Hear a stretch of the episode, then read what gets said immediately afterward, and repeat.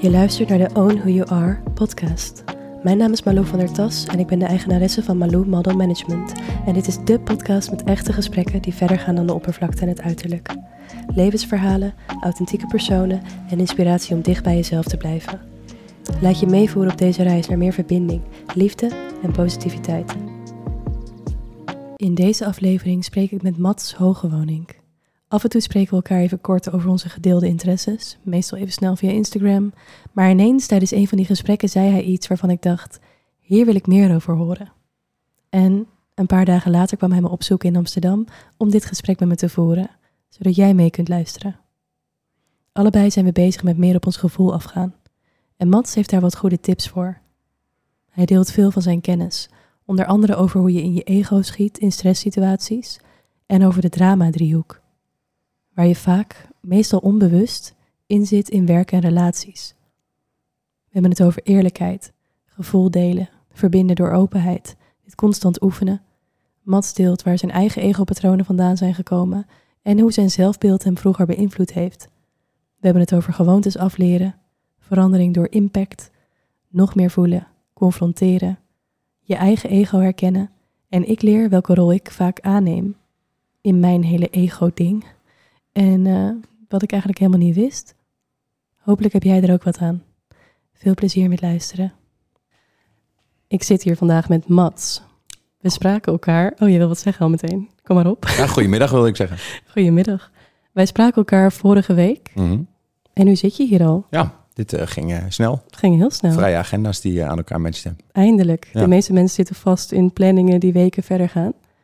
Maar jij komt meteen. Ja, en ik ben eigenlijk ook wel heel benieuwd hoe dat komt. Maar laten we beginnen bij wie je bent, wat je doet en waarom je tijd had om hier nu te zitten. Kijk, heel goed.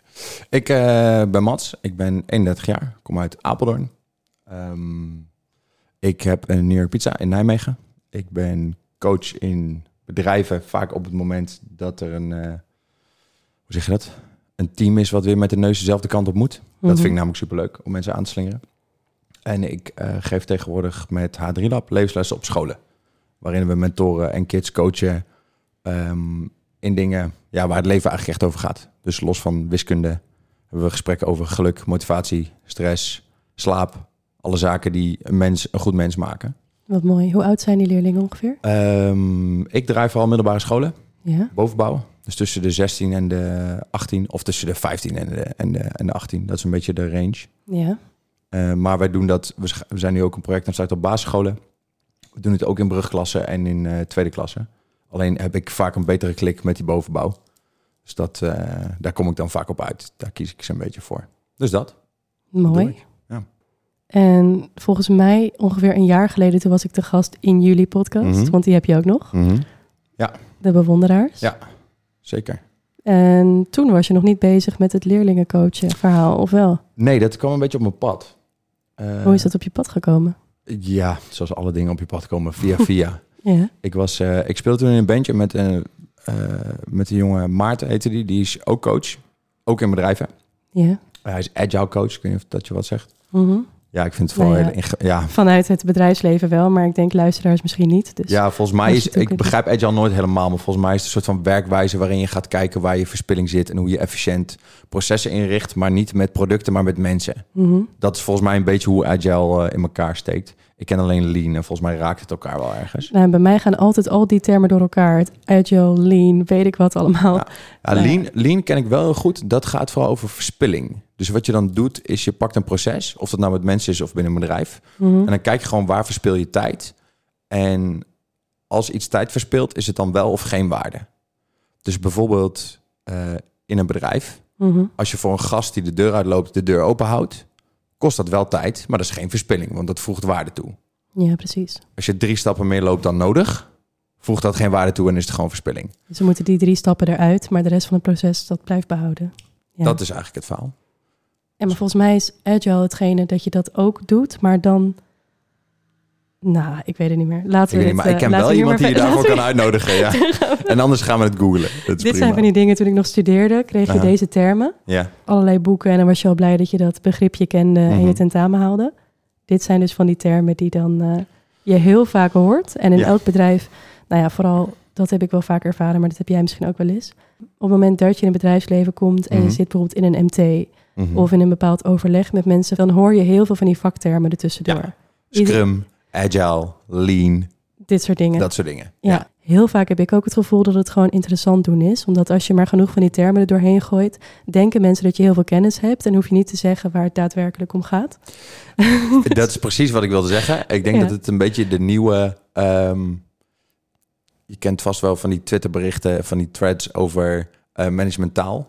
Dus Ja. eh, eh, eh, tillen we er wel even overheen. ja, of dit, of eh, wil jij hier nog even een plasje over doen? nou ja, Dat- dit. Ja, ik denk dat, dat Scrum, Agile en Lean een beetje de nieuwe, Ja. de nieuwe versie zijn daarvan. Want volgens mij, als je zo'n... ehm, ik denk dat die termen in de basis gaan over wat je ermee doet... en niet hoeveel je erover kan praten. Nou dus het feit dat, het in vergaderingen gaat over Lean... betekent dat we dat niet aan het doen zijn. Want we zijn Mhm. er anderhalf uur over aan het lullen... maar we zijn niet aan het uitvoeren. Volgens mij is dat wel een beetje de, Ja, de kern. Ja, Ja. Eens? Ja, laten we er verder maar niet te veel van vinden. Lekker doorgaan naar waar we het over hadden. Ja. Maar goed, hoe jij daar terecht was gekomen, dat was je aan het Eh, vertellen. oh ja, ik was je aan het afleiden. Ik ben, ik ben nogal snel afgeleid, dus dat gaat, niet, Sorry. gaat vaker gebeuren. Ehm, de zanger in de band waar ik toen mee speelde, die eh, was agile coach en die gaf via de Lab ook lessen op scholen. ja. En die belde mij op een gegeven moment en toen zei hij, hey, ehm, dit gaat over cirkel van invloed, dat geef jij ook in je eigen coaching. Ik heb iemand nodig die mij vervangt die dag, kun jij? Nou, toen zei ik, nou, dat kan ik denk ik wel, maar ik wil eerst even in gesprek met iemand voor jullie bedrijf, want ik wil voordat ik dit soort dingen ga doen het wel snappen of zo. Of in ieder geval een beetje het bedrijf leren kennen. En toen raakte ik, of kwam ik aan tafel met Marijn Bontje. Dat is de directrice van eh H3 Lab. En dat was eigenlijk direct een soort van goede klik. En voor mij kwam daar een beetje alle dingen samen die ik de afgelopen 15 jaar geleerd heb.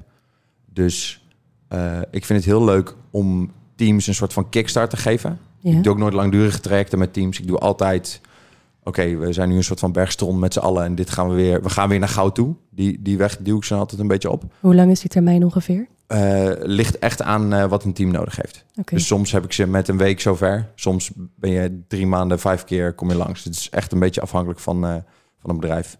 En ook hoe groot een organisatie is.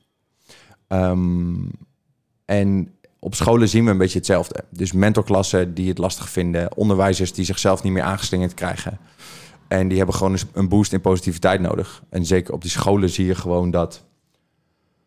We hebben het over eh, cijfers en leerstructuren en leren, leren en. En al die leerlingen die zijn daar gewoon een beetje van het kotsen. Maar die docenten eigenlijk ook. Ja. Dus niemand neemt meer de tijd om eh, echt te kijken naar wat is er nou belangrijk. En durft ook niet meer met de druk die er is om bepaalde cijfers te halen.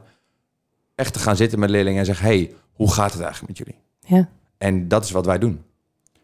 Niet zo simpel als dat. Maar wij duiken een klas in en dan gaan we gewoon praten over de dingen die echt belangrijk zijn en de dingen die er spelen. En hoe krijg je daar tijd voor? Ehm, nou, het fijne is, en dat vind ik echt super knap, die scholen zien het. Oké. Dus die scholen zien dat leerlingen afhaken, stress hebben, niet gemotiveerd zijn. Het is echt een heel groot probleem. En we zien het landelijk. De aanvragen worden ook steeds komen uit verschillende uithoeken en die worden steeds groter en de trajecten worden steeds breder. Ehm, maar eigenlijk is het zoals in elk bedrijf waar de coaching aan wordt gevraagd.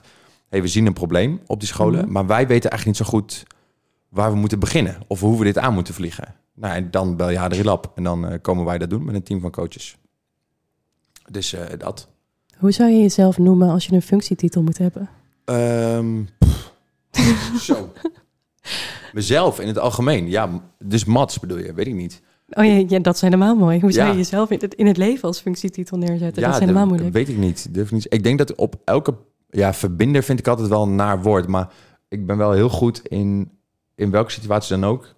de mensen aan tafel krijgen... Mhm. waarvan het nodig is dat ze een goed gesprek met elkaar voeren.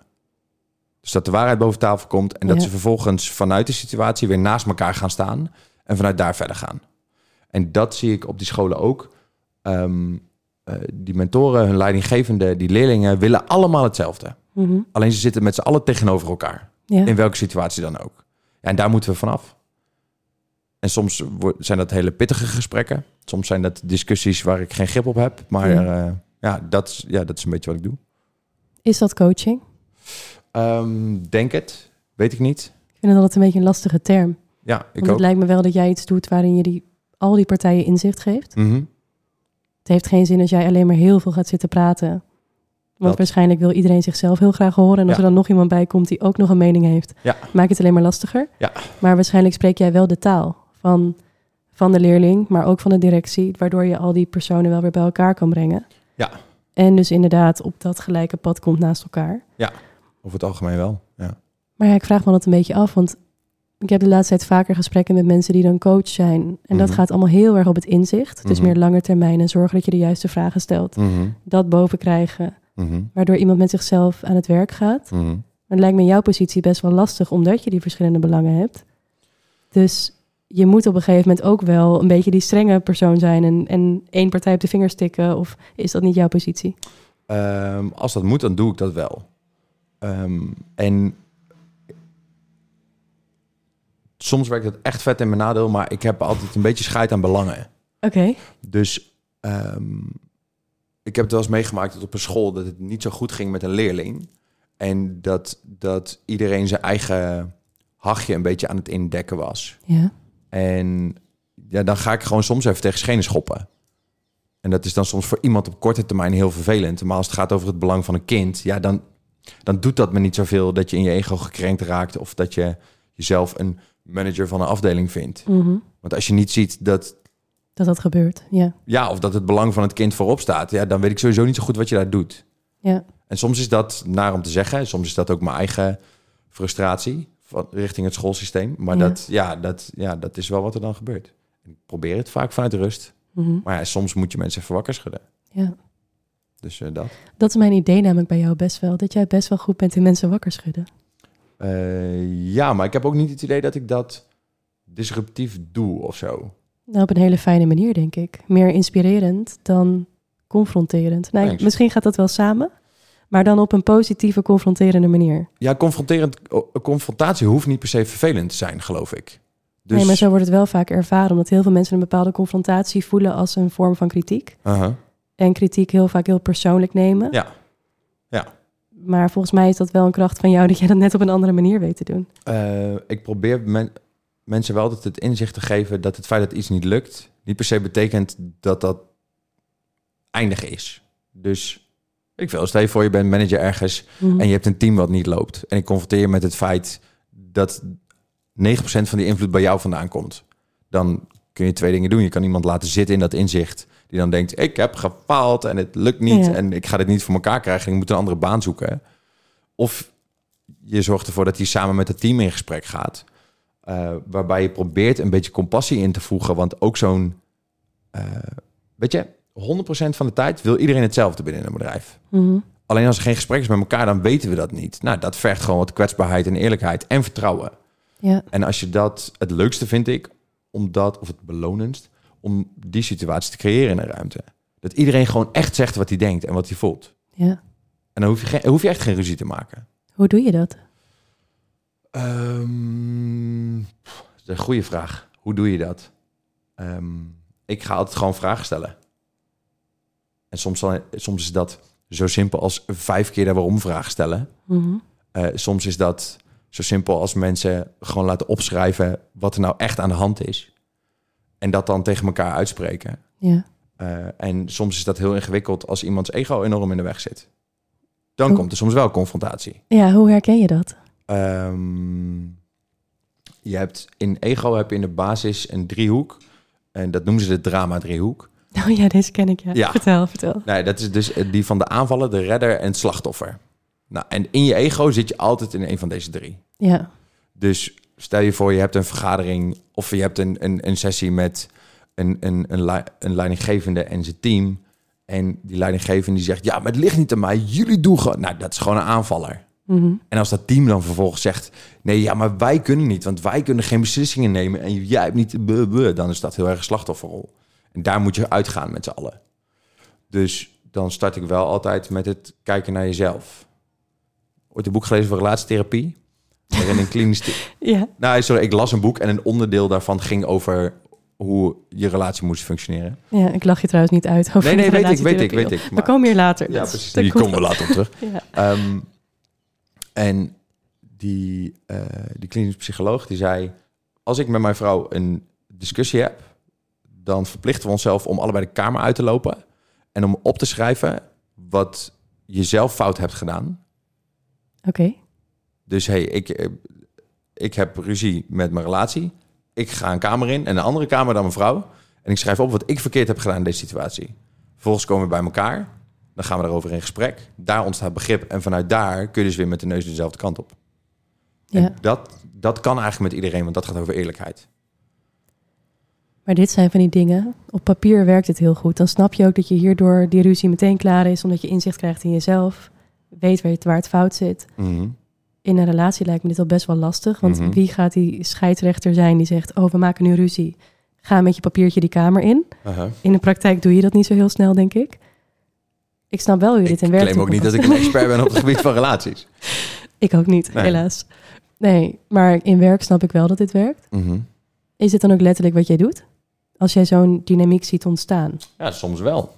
grijp jij in? Ja, en dat, dat is voor iedereen verschillend. Ik, ik heb een tijdje geleden bij een eh, eh, een heel gaaf bedrijf met hele jonge, enthousiaste mensen. eh, hadden we een super mooi plan neergezet. En een maand later was ik er weer. En toen zat ieder, ja, de, iedereen, iemand zat heel erg in zijn klacht. Dus we hadden een mega mooi plan neergezet. Waarvan iedereen dacht, ja oké, als we het zo doen, dan gaat het werken. En het ging hartstikke goed. En één iemand ging gewoon niet mee, omdat hij niet naar zichzelf keek. Ja, daar spreek ik hem dan op aan. Ja, En dat is dan in dat moment is dat super nice. Zeker nog, ik word daar mega ongemakkelijk van. Dat wel dus. Ja, ik voel dat heel erg. Dus als ik iemand aanspreek op een punt of eh, op een manier waardoor die zich gaat schamen of waardoor die ongemakkelijk eh, wordt, dan voel ik die energie direct. Oké, ja, want dat vroeg ik me dus inderdaad ook af. Ja, Hoe hou jij je daarin staande? eh, nou, ik denk dat het feit dat ik dat voel zorgt voor een stukje compassie en dat ik niet een lompe hork word. Oké, Wat je namelijk heel vaak ziet, is dat een manager of een coach of een, een wie dan ook ergens binnenkomt, even, eh, hoe zeg je dat, overal overheen komt pissen Mhm. en dan weer weggaat, omdat hij dat gevoel niet heeft. Maar wat er volgens mij moet gebeuren, is dat je tegen iemand zegt: hé hey man, wat je nu doet, zorgt ervoor dat je weer in precies dezelfde situatie terugkomt als twee maanden geleden voordat we dit traject begonnen. ja, Je bent gewoon een lul. Maar hoe gaan we nu verder? En dan ga je gewoon in gesprek. En wat de meeste mensen doen, is zeggen: je bent gewoon een lul. En lopen daarna de kamer uit. ja, precies. Waardoor je een soort van aanval afvuurt op iemand die daar helemaal niet op ingericht is. En je eigenlijk iemand alleen maar kleiner maakt. En alles daarin is ego, wat niet behandeld wordt. Maar in de praktijk kun je heel vaak ego niet benoemen. Want heel veel mensen zijn zich natuurlijk niet bewust daarvan. Dus spreek jij bijvoorbeeld letterlijk uit, sorry, maar volgens mij zit jij nu volledig in je ego. De drama-driehoek is wel iets wat ik uitleg in een gesprek, ja. Want dan kun je het gaan herkennen. Ja, En dat is ook dat. Ik heb laatst een ondernemer deze oefening meegegeven. Die had dit namelijk. ehm, die deed dit in zijn relatie en die deed dit op zijn werk. En zijn mensen deden dit ook, want monkey see, monkey do. Dus iedereen Mhm. kopieert het van elkaar. En het is heel menselijk, hè? Dus ego zit in iedereen en de, de manier van uitvoeren is bij iedereen anders. Maar we hebben het allemaal. ja, En dat is denk ik ook oké. Ehm, en toen had ik hem gewoon gevraagd om in elk gesprek dat hij voerde die week... een driehoek te tekenen op een vel papier.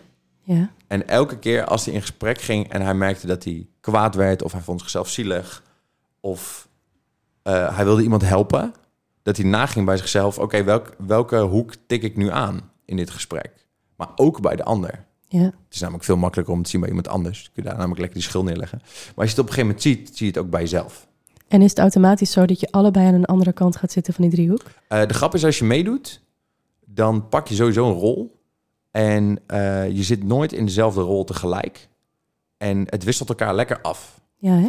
Dus stel je voor dat ik tegen jou zeg, ja, maar jij doet dat verkeerd.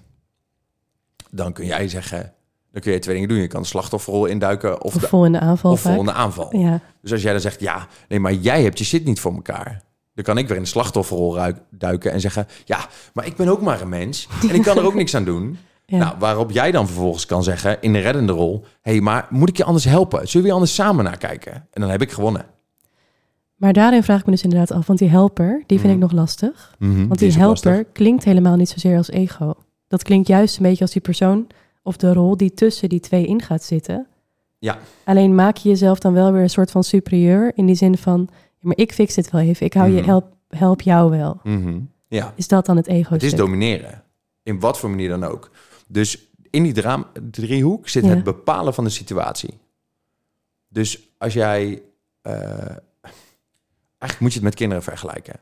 Als een kind een snoepje wil, dan kan hij drie dingen doen. Huilen, Ja. onderhandelen. Dus hé, hey, maar als ik nou dit doe, dan dat. Dat is de helper. Eh, of het slachtoffer zijn. En ik mag hier nooit iets en ik ben zo zielig en ik had dus een kutdag. Dat, dat is een beetje de verhouding. En wij mensen leren dat vaak niet af. En dan nemen we dat mee in de rest van ons leven. En dan wordt die lolly een salarisverhoging. Of een nieuwe auto of je zin krijgen eigenlijk. Het klinkt eigenlijk alsof je altijd in een van die rollen zit, als je niet bewust bent. Eh, zolang er geen eerlijkheid is, wel. Wat is eerlijkheid? Eh, ja, dat is een goede vraag. Ehm, ik denk dat het altijd gaat over echt zeggen wat er is. Maar heel veel mensen die denken dat ze de waarheid spreken voor zichzelf. Mhm. Maar als er dus die laag overheen zit van Mhm. niet bewust zijn, Mhm. dan kun je dus denk voor je gevoel zeggen wat er op je hart ligt. Ja. Maar of het de waarheid is, Ja. dat is een beetje lastig. Dat als jij dus niet weet in welke rol je zit. En vanuit die rol spreek je eerlijk en open. Maar is het dan eerlijk als je vanuit die rol spreekt? Dat weet ik niet. Ik denk dat denk je dan dus wel. Ja, dat denk Nou ja, maar daarom is het... Kijk, daarom is het ook goed om dit bijvoorbeeld in een team bespreekbaar te maken. Ja, Dan ben precies. je namelijk niet de enige die het weet. Ja. Dus dan kun je lekker tegen elkaar zeggen... Oh, zit je wel lekker in je klacht? Ja, in welke hoek ja. van de driehoek zit je nu? ja, ja, ja. Het is heel ingewikkeld. Het, is, eh, het feit dat ik dit weet bijvoorbeeld... betekent niet dat ik het nooit doe. Dus als iemand mij iets aandoet... gevoelsmatig, wat helemaal niet zo is... kan ik heel makkelijk in de aanvallende rol duiken. Ik heb ook best een groot ego. Ja. Maar dat betekent niet dat ik er niet aan moet werken... of dat het niet veranderbaar is of zo. Hoe doe je dit voor jezelf? Ehm, In werk eerst maar even. in werk veel nadenken, reflecteren. En je, ik, ik zie het veel beter bij anderen. Dus het, weet je hoe je het beste doorhebt dat je iemand aanvalt? Omdat iemand in de slachtofferrol duikt of terugreageert als aanvaller. Dat is waardoor jij weet, ik doe Ja, dit precies. verkeerd. Ehm, Stel je hebt het al gedaan, mhm. dus je hebt verkeerd gehandeld. Ja, dat zeggen. Dat Dat, dat, zeggen. Oké. En Zeg dat, dat gebeurt vaak fout? niet. Wat zei Of je? reageer je dan zo van, oh ik merk dat ik je vanuit mijn ego benaderde? Of ehm, ik val je aan, maar dat bedoel ik niet zo. Hoe, hoe, hoe gaat zoiets? Ja, ligt een beetje aan de situatie. Soms zeg ik gewoon, oké, dit was kut. Eén stap terug. Ja, Wat is er aan de hand? Ja, oké. En vaak zeg ik gewoon sorry.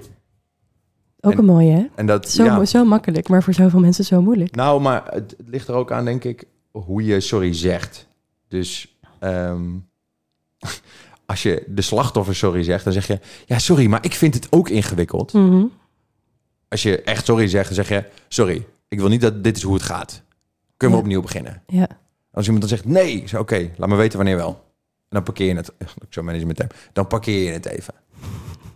Weet je, want soms is iemand gewoon kwaad omdat je zelf iets doet. Dus als je iemand Ja. aanvalt, is het echt niet raar dat iemands ego, hoe zeg je dat, eh flared up. Dat hij, dat gewoon een soort van aangaat en kwaad is. Alleen het voordeel is, zo'n emotie duurt 90 seconden. ja. Dus als je die, iemand die tijd kan geven en daarna een soort van opnieuw kan beginnen, dan is het oké. Alleen ondertussen niet in die slachtofferrol duiken of in de reddende rol. Of, eh, Eigenlijk is het heel vaak even op pauze drukken, hè?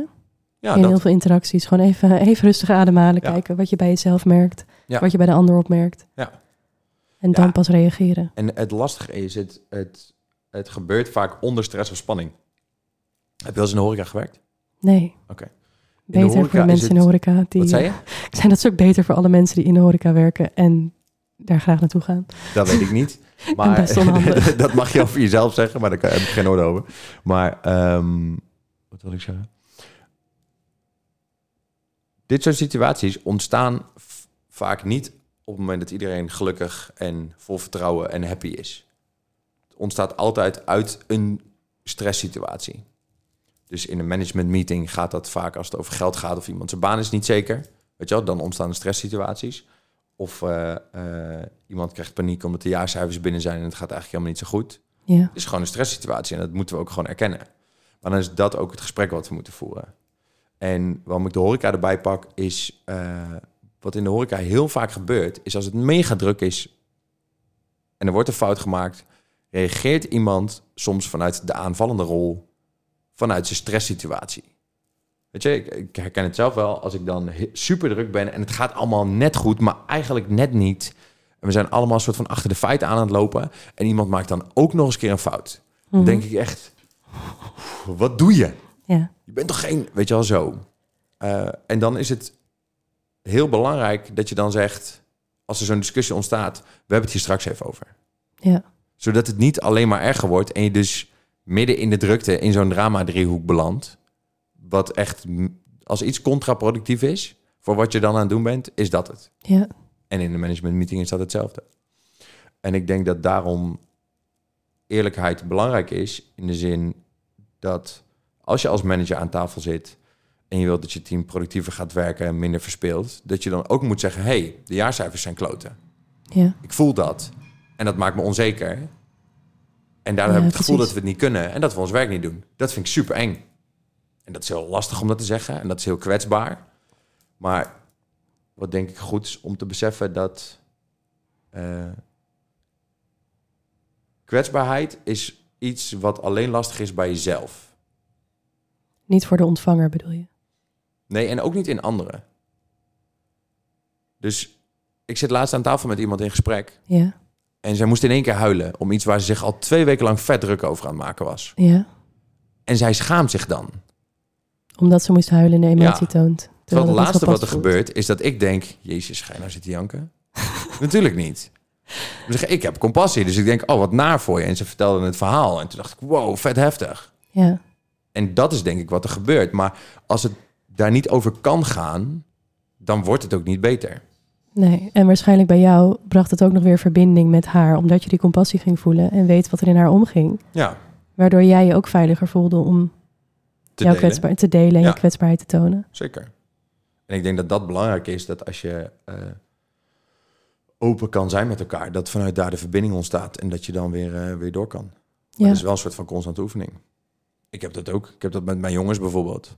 Ik heb een team van echt fantastische gasten. ja, als je spreekt over jouw jongens, lichte stoef, dat is dus ja, dat zijn de pizzabakkers Pizza. en ja. eh pizzabezorgers. Ja, nee, dat, ja, dat, want dat is echt mijn team. ja. Dus verder in coaching ben ik vaak alleen. Eh, met H3 Lab heb ik wel collega-coaches, maar die werken niet voor mij of met mij. We meeten wel met elkaar, maar vaak werk je los van elkaar. ja. Dus dat is meer een soort van vereniging. Wat ook heel waardevol is, maar niet hetzelfde als, eh, als mijn team. Ehm, en die verantwoordelijkheid is voor mijn ego bijvoorbeeld helemaal niet goed. Dat vind ik heel ingewikkeld. Want ik mag niet falen. En, ik, en dat, dat vind ik super naar. Want het voorbeeld wat ik eigenlijk altijd zou willen geven is... hey, het is oké om kwetsbaar te zijn. Het is oké om te zeggen, hey, het gaat even niet. Ja, dat is dus het lastige, want je merkt ook in die positie waarschijnlijk dat jij wel dat rolmodel bent. Dus op het moment dat jij Mhm. kwetsbaar bent, je hebt een heel groot verschil tussen kwetsbaar zijn en niet je respect verliezen of zo. En Ja. dat hoeft dus eigenlijk helemaal niet een, iets te zijn wat elkaar in de weg kan staan. Ja. Maar zo kan het voor jezelf natuurlijk wel voelen. En het kan ook ervoor zorgen dat ze daadwerkelijk wel anders naar je kijken. Ja. Als jij daar gaat staan huilen voor hun, grote kans dat, ze, dat het wel iets met hun respect doet. Of Ehm, het moet op de juiste manier overkomen, het moet op zijn plek zijn. Maar nou ja, ik denk, ik het kan denk heel dat, erg twee kanten op werken. Ja, dat is ook waar. Maar ik denk dat dat precies het verschil is tussen kwetsbaarheid en slachtofferschap. Dus ehm, in alle eerlijkheid, ik kan best goed in mijn slachtofferrol schieten. Want Ja. soms kan ik daar. ehm, al deze dingen zijn een, dus je slachtoffer, je aanval en je redderrol zijn een manier om mensen te manipuleren en in beweging te zetten. Dus je kan best lekker manipuleren. Ja, Ja, nee, maar dat, nee, als, ik kan dat heel goed. Ja, En dat is, dat is een, een. eh, Ik vind manipuleren ook niet per se een naar woord, behalve als je nare intenties hebt. Kijk, in de positieve zin zet je mensen aan tot iets goeds. ja. Zolang je maar mensen aanzet tot iets goeds. ja precies. En als je dat negatief doet, dan wordt het bijvoorbeeld slachtofferschap. Dus een, een heel praktisch voorbeeld. Eh, mijn stiefvader kwam in het ziekenhuis te liggen en eh, mijn moeder belde me toen ik aan het werk was. Nou, dat raakte me enorm, vond ik heel ingewikkeld. Ook omdat ik Ja. net begon en het was druk en ik ging dat in eerste instantie afreageren op een van die gasten. Want ik zat echt mega, echt heel gestrest was ik. Ja, En eh, toen dacht ik, oké, nee, dit gaat niet werken, want anders wordt dit zo'n dag. Toen heb ik allebei de jongens apart gepakt en gezegd, jongens, dit is net wat er gebeurde. Ik werd gebeld door mijn ma, mijn pa ligt in het ziekenhuis. Ik voel me niet oké, dus als ik soms iets korter af reageer, sorry. ja, Nou, dat is gewoon open en eerlijkheid en hey, Zeker. dat raakt me. zeker. Slachtofferschap is, oh jongens, ik vind het echt super ingewikkeld en kan ik misschien op tijd naar huis, want die ellendig, bla bla bla. Ja, ja, ja. ja. Want wat er gebeurde vervolgens was dat een van de jongens tegen mij zei... hey Mats, als je wil gaan, kun je gaan, hè? Zeg ik, Mhm. nee, ik wil niet weg. Ik vind het juist fijn dat ik hier ben met jullie. Dat is oké, dat voelt heel goed. ja. Eh, dus we gaan nu beuken. En toen op een gegeven moment was de spits klaar. En toen kon ik uit alle eerlijkheid zeggen, oké, is alles gedaan? Kan ik dan nu gaan? Toen zei de gast, ja, tuurlijk man, we redden het wel. Dat is openheid. Ja, zeker. Maar je kan ook mensen een soort van dwingen in die redderrol. Want Mhm. dat is dan wat je eigenlijk doet. eh, om te krijgen wat je wil. Ja, En dan is het niet oprecht.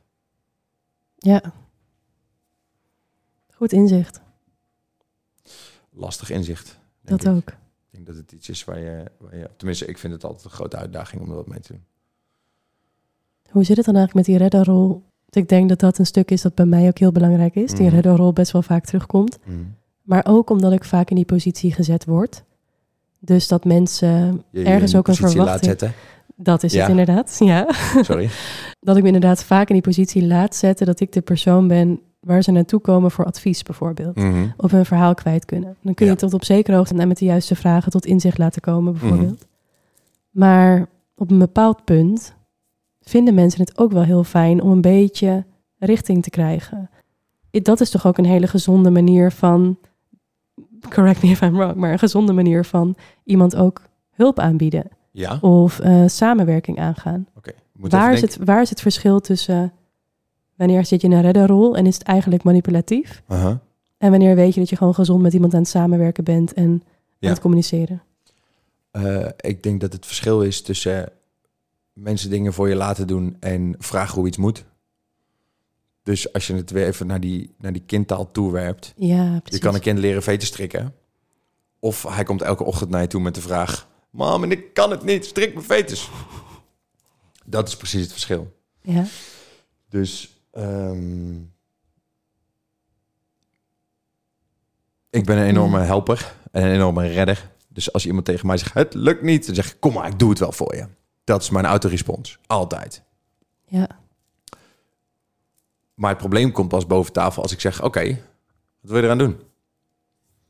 Dus ja, en die jongens die luisteren niet, of krijgen die winkel niet netjes, of bla bla, Oké, maar wat is er dan voor nodig om dat wel te doen? ja, Ja, ik weet het niet. Ik zie het gewoon niet. Dus oké, dan gaan we het samen doen. Dan ga ik het je laten zien. Als iemand leert veet strikken, mag je het best voordoen. Dat is oké. ja, Maar het doel is wel dat hij zelf zijn veters kan strikken. Ja. En op een gegeven moment moet daar gewoon eerlijkheid in komen. Dus ehm, stel je voor dat je je kast altijd als één grote tering zo hebt. Dus je kledingkast. Ja, Dan kun je twee dingen doen. Of tegen jezelf eerlijk zijn. Of nee, sorry. Wat er dan vaak gebeurt, is dat mensen zeggen... ik heb te veel kleren, deze kast is te klein... en dan kopen ze een grotere kast. ja. Nou, wat is daarvan vaak het resultaat? Nog meer kleding kopen. Precies. En Oh. nog meer tering zo ja. Want het probleem is niet de ruimte, toch? Nee, Het probleem is discipline en, en orde. Als jij namelijk niet de discipline hebt om je shit netjes in je kast te leggen en op te vouwen... dan wordt het vanzelf een grote chaos. ja, Of wat ik bijvoorbeeld heel erg goed kan, is alles netjes in een la leggen, maar de volgende dag in haast iets eruit trekken, waardoor ik de wandelorde creëer. Maar mijn Ja. oplossing is niet eh, meer kastruimte. Dan nee. krijg ik namelijk alleen meer chaos. En dat is denk ik waarin je mensen moet helpen eh, te laten zien wat daadwerkelijk het probleem is. Dus als iemand tegen mij zegt: ehm, hey, ik eh, krijg die winkel niet schoon of die gasten die luisteren niet naar me. Nou, dan ga ik wel in gesprek over wat voor rol ze daar zelf in nemen. Dus als jij een leidinggevende bent die de hele dag alleen maar tegen zijn team zegt wat hij moet doen en je staat zelf achterover te leunen, ja, ik zou ook niet naar je luisteren. Maar dan is dat wel het gesprek wat we moeten voeren. Ik snap hem. Oké, fijn. Fijn. Ja, nee, ja, Nou fijn ja, ik zit het natuurlijk ook gewoon, en dat doet denk ik ook een luisteraar die luistert. Die situaties en de dingen die je zegt, projecteer je automatisch op jezelf. Mhm. En op de situaties waar je vaak zelf in staat. Ja. En voordat wij deze opname begonnen, hadden we het Mhm. natuurlijk over dat stukje van loslaten. Mhm. Ik denk dat dat hier ook heel erg bij komt. Dat op het moment dat je niet goed bent in loslaten, stap je heel makkelijk in die reddersrol. Ja, Omdat je dus inderdaad bij alles zegt, oh, dat doe ik wel even. Of Ja. omdat je denkt voor jezelf dat als je dat niet doet, dat je het later wel weer terugkrijgt. Waardoor je er of meer werk aan hebt, Mhm. of iemand teleurgesteld raakt. Mhm. Waardoor je uiteindelijk continu jezelf teleurstelt. Mhm.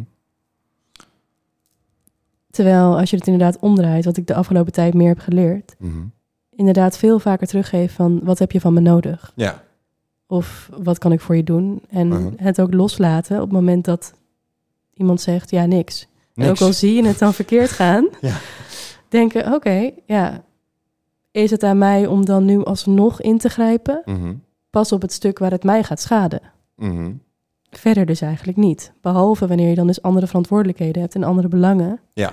Want in een bedrijf werkt dat niet zo. Ik kan dit makkelijk denken vanuit mijn privé-situatie. Dan denk Mhm. ik, nou ja, oké, het ik heb los. het aangeboden, ik laat het los. Ja.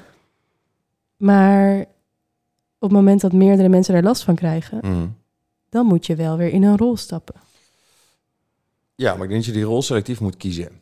Dus de vraag is, als je, als je in een redderrol stapt, wat is dan wat je voelt?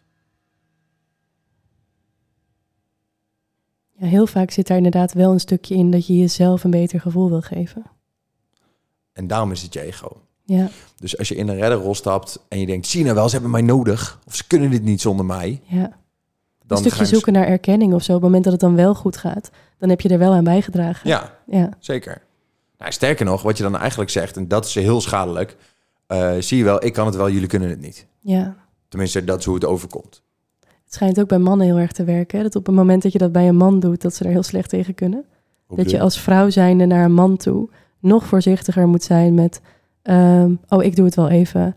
Of eh, iets van een suggestie geven in een richting van... eh, Ik kan dit zelf. Ja, dat. Ja, ik weet niet of dat bij, laat me zeggen, ik denk, dat- misschien is dat bij mannen wat gevoeliger dan bij vrouwen. Ik weet ook dat het in elk sterrenbeeld ook weer anders is, dus ik weet het niet. Maar in de basis, ja, ik denk dat je er altijd, eh, ik denk dat je jezelf moet uitnodigen. Dus ik denk dat als jij zegt, hey, wat heb je van me nodig? Ja, Of waar kan ik je mee helpen? Dat dat een hele goede vraag is, altijd. Omdat vaak het antwoord niet is wat jij denkt dat er nodig is. ja. Dus ik weet niet hoe je dat ervaart. Als jij deze vraag stelt. Ehm, ja, best wel vaak verwarring. Ik merk dat heel veel men- mensen, ook al is er een probleem, ze hebben bijna nooit die stap teruggezet naar kijken van wat heb ik eigenlijk nodig om dit op te lossen. Mhm. Dus op het moment dat ik die vraag stel, komt daar niet direct een antwoord op. Dus Nee. dan merk ik dat ik gewoon heel veel geduld moet hebben totdat er dat vanaf de persoon zelf er wel komt. Ja. En dus inderdaad niet in een van die rollen moet gaan stappen. Ja. Omdat je heel vaak als buitenstaander al wel een paar stappen verder kunt kijken. Ja, zeker. En denkt dat je het juist hebt, wat heel vaak ook natuurlijk niet zo is. Maar dat is ook het stuk wat ik wel eens lastig heb gevonden in het bedrijfsleven ook. En wanneer je wel met bepaalde doelen te maken hebt. Mhm. Als je leiding geeft. Nou, dat heb jij natuurlijk ook met al die jongens mee Mhm. te maken.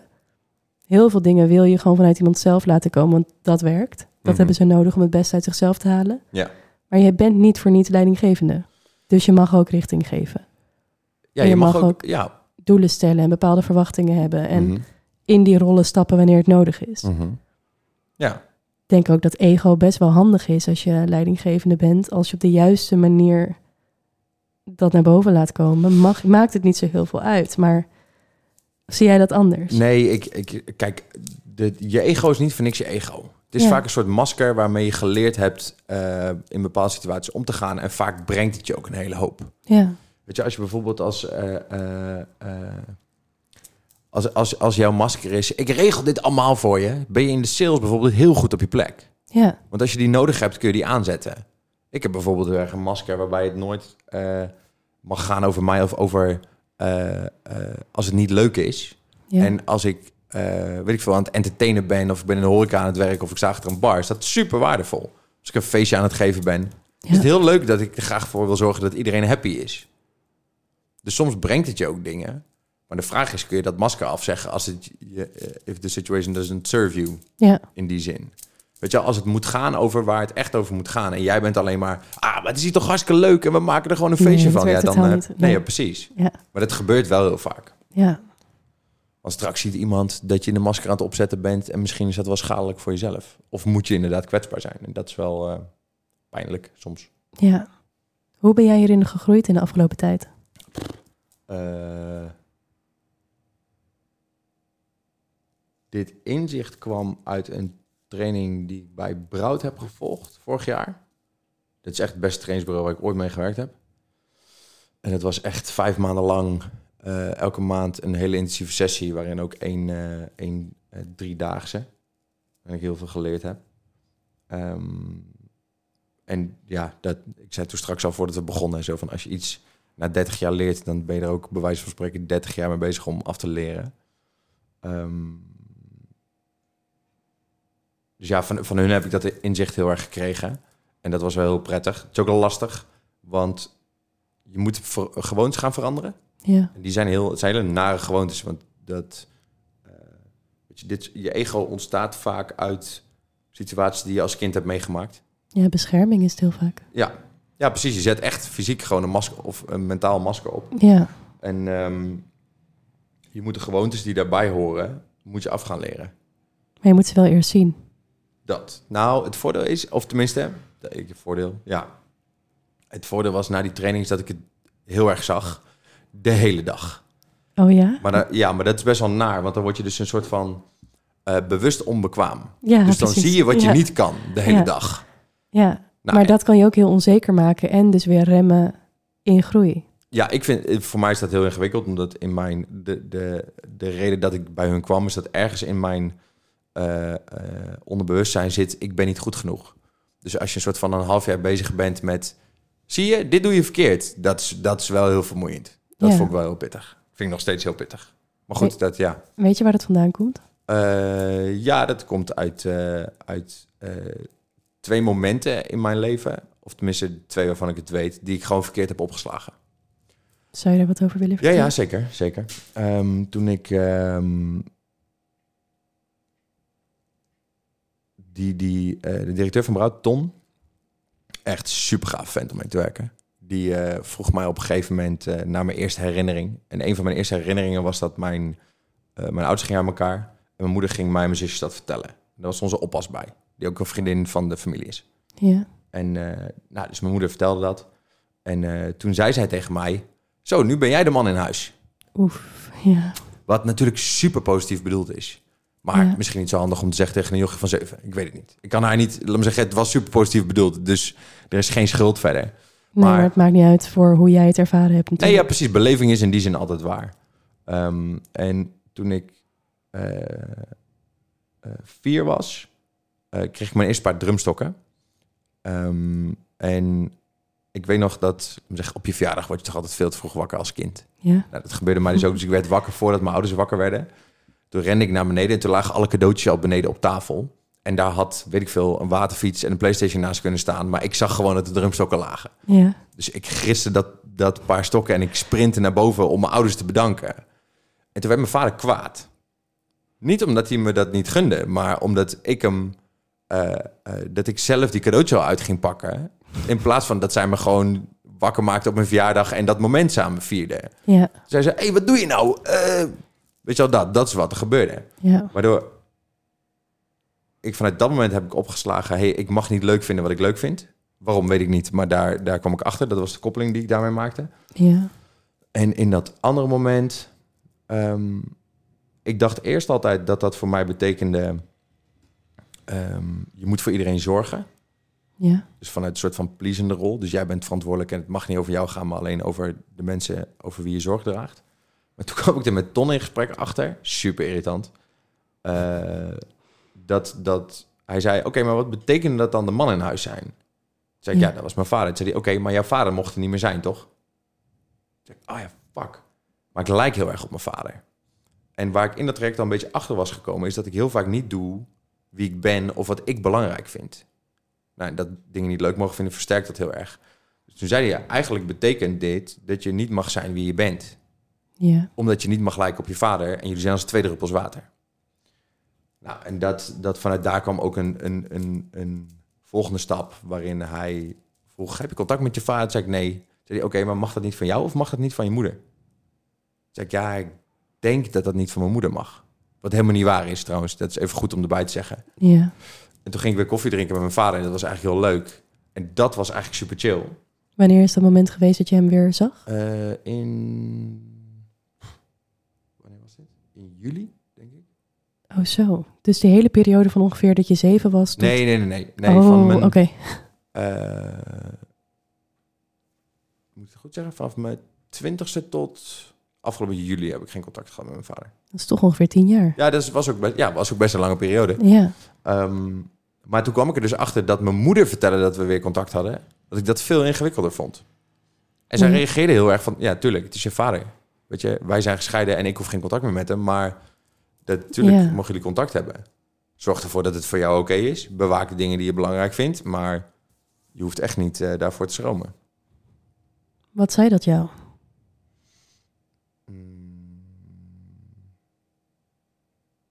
Wat was het inzicht dat je daardoor kreeg? Het inzicht wat ik daarvan kreeg is eh,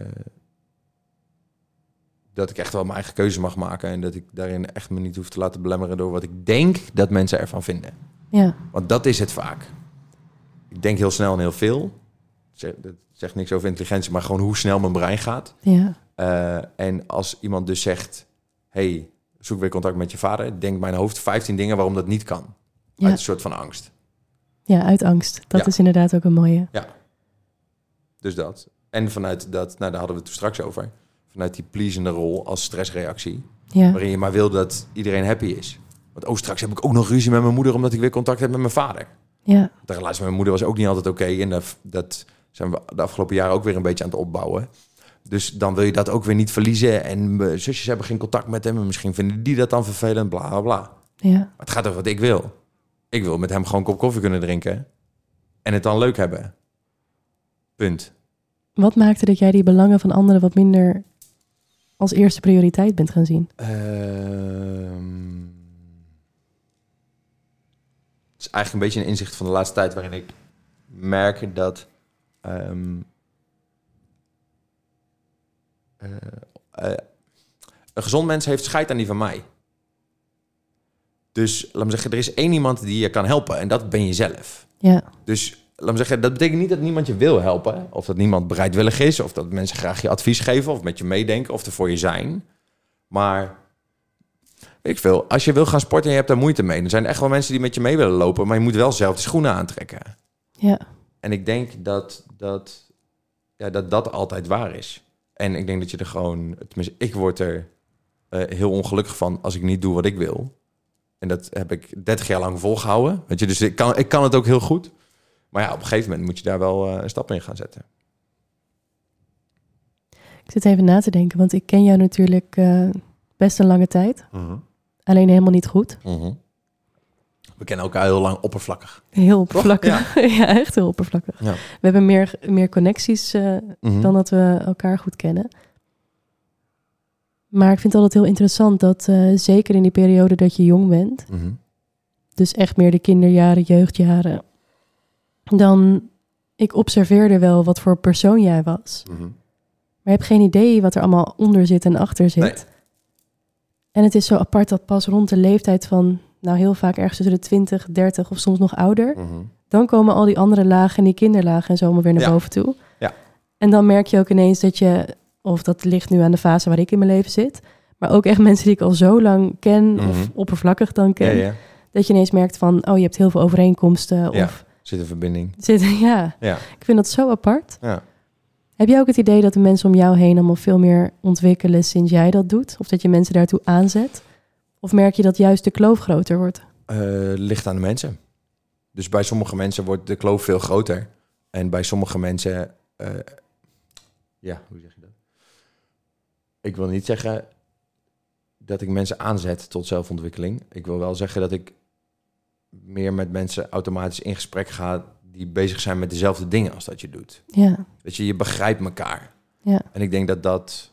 Hetzelfde als dat ondernemers zitten vaker te lunchen met andere ondernemers. Gewoon omdat je dan een hele hoop dingen niet uit hoeft te leggen. ja, precies. Weet je, als je, de, als je de core van wat je op dat moment aan het doen is, moet uitleggen aan iedereen tegenover tafel.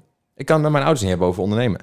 Dus Nee, allebei veilige belastingen, Ja, ambtenaren die heel saai. Laat me zeggen, toen ik zei ik ging ondernemer zijn, mijn moeder, het, er was geen moment dat ze zei, en dat is geen verwijt, want dat snap ik wel, dat ze zei, eh, oh wat gaaf, maar dat ze eigenlijk vooral zei, zou je dat nou wel doen?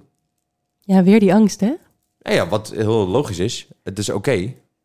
Ja, dat weet ik dus niet. Ik heb het idee dat we allemaal met best wel heel veel angst zijn opgevoed uit de beste bedoelingen.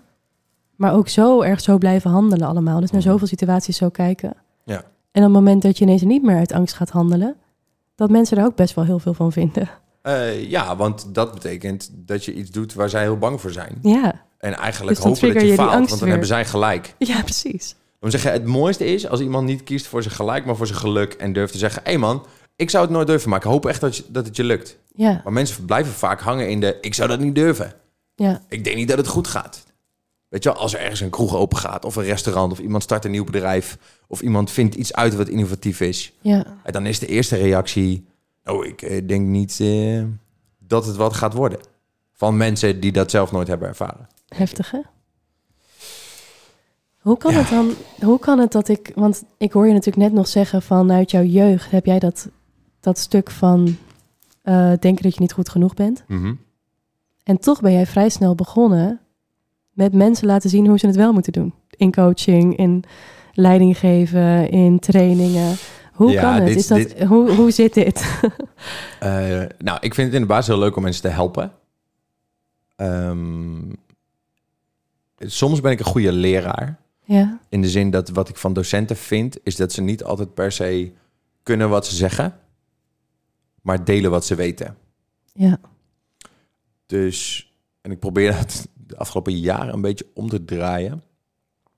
Ehm, ik was heel erg vroeger van, eh, ik was vroeger heel erg slecht in practice what you preach. Mhm.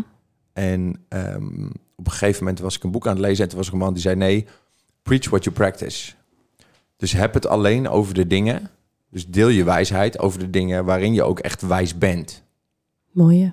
Vond ik ook heel mooi. Ja, dat resoneerde echt heel lang. Omdat ik kan duizend boeken lezen over zelfontwikkeling en dan kan ik je precies vertellen hoe je het zou moeten doen. Ja, Maar het is over het algemeen niet oprecht, omdat ik er niet... Ik kan je niet vertellen hoe het dan niet werkt. Of waar je dan tegenaan loopt. ja, Terwijl de dingen waar, waar het net over hebben, zijn dingen waar ik echt mee bezig ben geweest. ja, precies. Daar kan ik dan wel over delen. Ja, en dat interesseert me dus ook heel erg. Dat ik kan horen van waar is jouw pad geweest Mhm. en, en waarom voel jij dus ook echt dat je dit hebt moeten veranderen of een inzicht hebt moeten veranderen en hoe lastig dat is. Want je kan inderdaad zeggen, het duurt zo lang om Mhm. dit inzicht te hebben, bewust te worden, het Mhm. anders te gaan doen. Maar als je dat zelf nooit ervaren hebt, kun je ook niet die compassie voelen voor de ander die daar ook doorheen gaat, denk ik. Eh, hoe bedoel je dat? Dus bedoel je als... Oké, stel je voor... eh, weet ik veel, dat je geen compassie kan voelen van wiens ouders... Als iemand vertelt, mijn ouders zijn Mhm. gescheiden... terwijl je dat zelf niet hebt. Bedoel je dat zo? Nou, ik denk dat dat op zich nog wel kan, omdat je wel eens een voorstelling kan maken bij zoiets. Maar ik denk dus op het moment dat je echt coach bent of trainer, Mhm. je kan dus inderdaad een opleiding hebben gevolgd en zoveel kennis hebben gehad. Mhm. Maar als je zelf niet meerdere lessen in je leven hebt gehad, waarin je die kennis hebt Ja. kunnen toepassen, Ja. is toch dat weer dat stukje van bekwaam, onbekwaam. En Ja. dat tuurlijk, je kan dingen heel vaak horen en heel vaak zien. Mhm. En soms merk je ineens dat, ik heb ook boeken bijvoorbeeld, eh, wat is het, vijf jaar geleden gelezen, Mhm. En ineens klikken ze. waarvan ik nu denk van, Ja. ah, maar dit heb ik echt toch al twintig keer gehoord. En dit is dus die situatie. Hier Ja, maar- sta ik nu. En kan ik het dan ook daadwerkelijk zo doen? Wat ik altijd wel tegen die en die heb gezegd. Mhm. Kan ik dit dan ook? Ja, nou ja, ja, ja. Ja. En wat is het antwoord op die vraag? Nou ja, soms niet direct. Nee. Maar wel weer kunnen terugspoelen van... Mhm. oh ja, ik zeg al dat het zo moet. Ik heb zo gehandeld. Ehm, mag ik een herkansing? Ja. Ja. Ja, je mag, dat is het fijne aan het leven. Je mag denk ik altijd een herkansing. Ja. Maar dat, ehm, hoe zeg je dat? Nou ja, daar, en daarin is denk ik eerlijkheid naar jezelf ook gewoon een vereiste. Ja. Dus of je dat kunt en dan ook... Kijk, ik heb echt wel eens dagen dat ik denk... Fuck. Je weet het zo goed, waarom doe je het dan niet? Ja. je dat, eh, ik kan mezelf echt voor mijn kop slaan af en toe. Regelmatig. Maar ik denk dat je, dat je altijd moet blijven beseffen... eh, en dat lukt me echt ook heel vaak niet hoor... maar dat het al beter is dan wanneer je dit inzicht niet had en er niks mee deed. Ja. Wat zijn dingen die je bewust niet doet... terwijl je wel weet dat je ze zou moeten doen? Ehm, zo.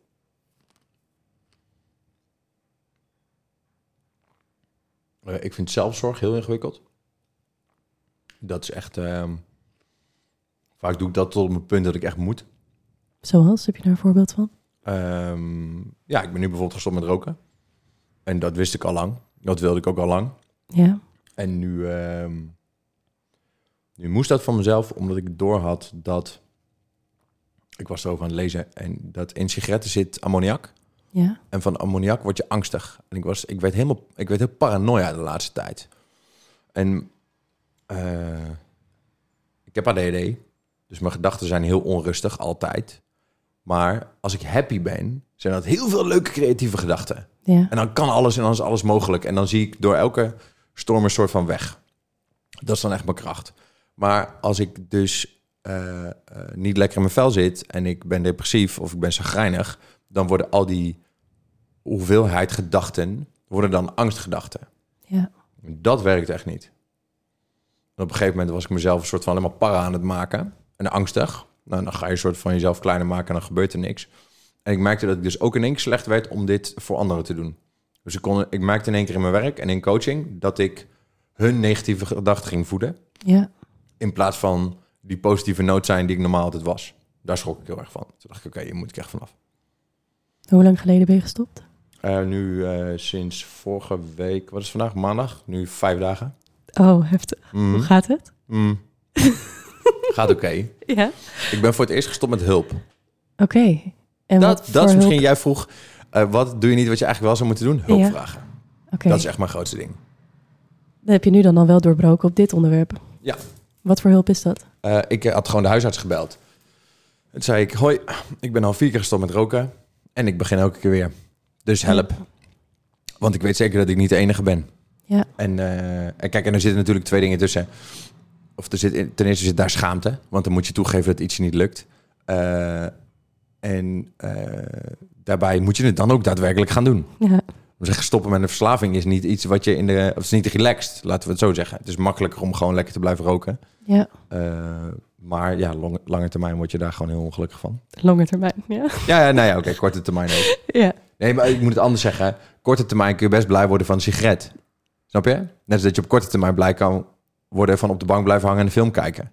Ja, maar dat zijn dus heel veel van die dingen die... eh, ik herken dat bij mezelf ook. Ik Mhm. eet bijvoorbeeld heel veel chocola altijd. Terwijl ik weet dat dat gewoon een verslaving is. Aha. Of chocolaatje. Gaan we het hier toch even over hebben. ja, echt alles. Nou, nu staan hier paaseitjes. Die, eh.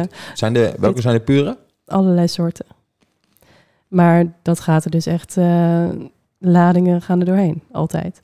Dat is iets waarvan ik weet dat het slecht is. Want suiker is gewoon super slecht voor je. Mhm.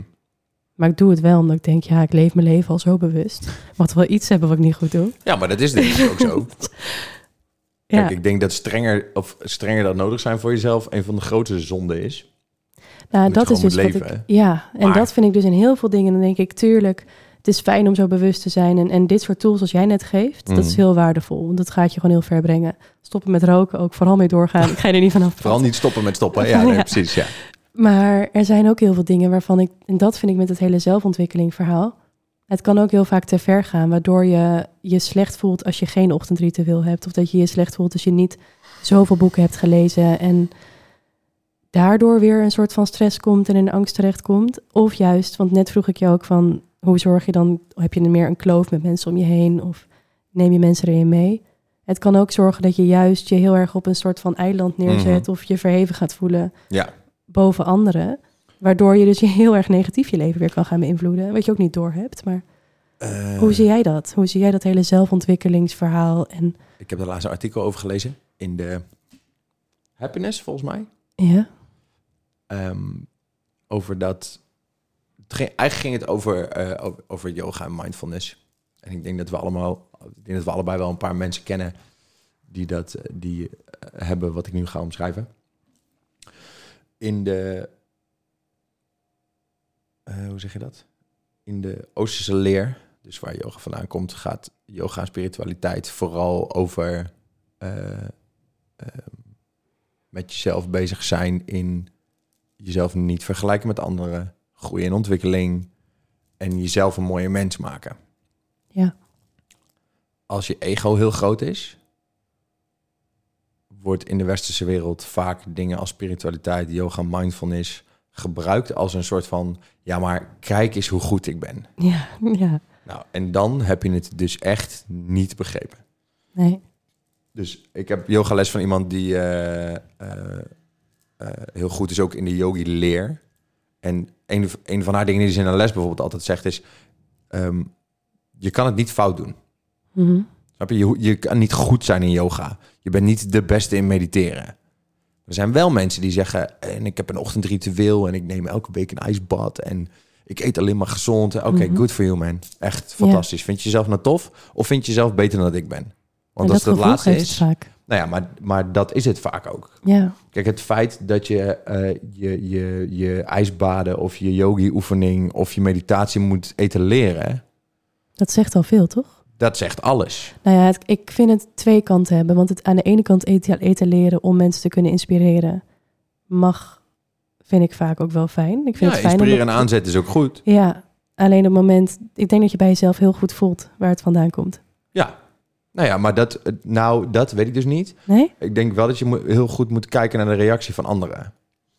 Dus weet ik veel, als je twintig keer tegen iemand zegt... hé man, je moet ook ijsbaden gaan doen. Dan op een gegeven Ja. moment, na de derde- keer zou je door moeten hebben... als je niet met je kop in je eigen reet zit... dat iemand het misschien gewoon even niet wil horen... of dat het Ja. niet het moment is. Ja, Terwijl als je iemand uitnodigt en zegt... hé man, ik hoor van je in gesprek dat je tegen bijvoorbeeld stress aanloopt. Wat voor mij heel goed werkt is dit. Wil je het een keer proberen? ja, Nou, dat is hartstikke super positief. Het is toch heel mooi als je mensen iets kan laten zien... waardoor hun wereld ook weer beter wordt. Dat is super cool. ja, zeker. Maar ik denk die verhevenheid etaleren... dat vind ik echt het meest... Ja, sneu wil ik niet zeggen.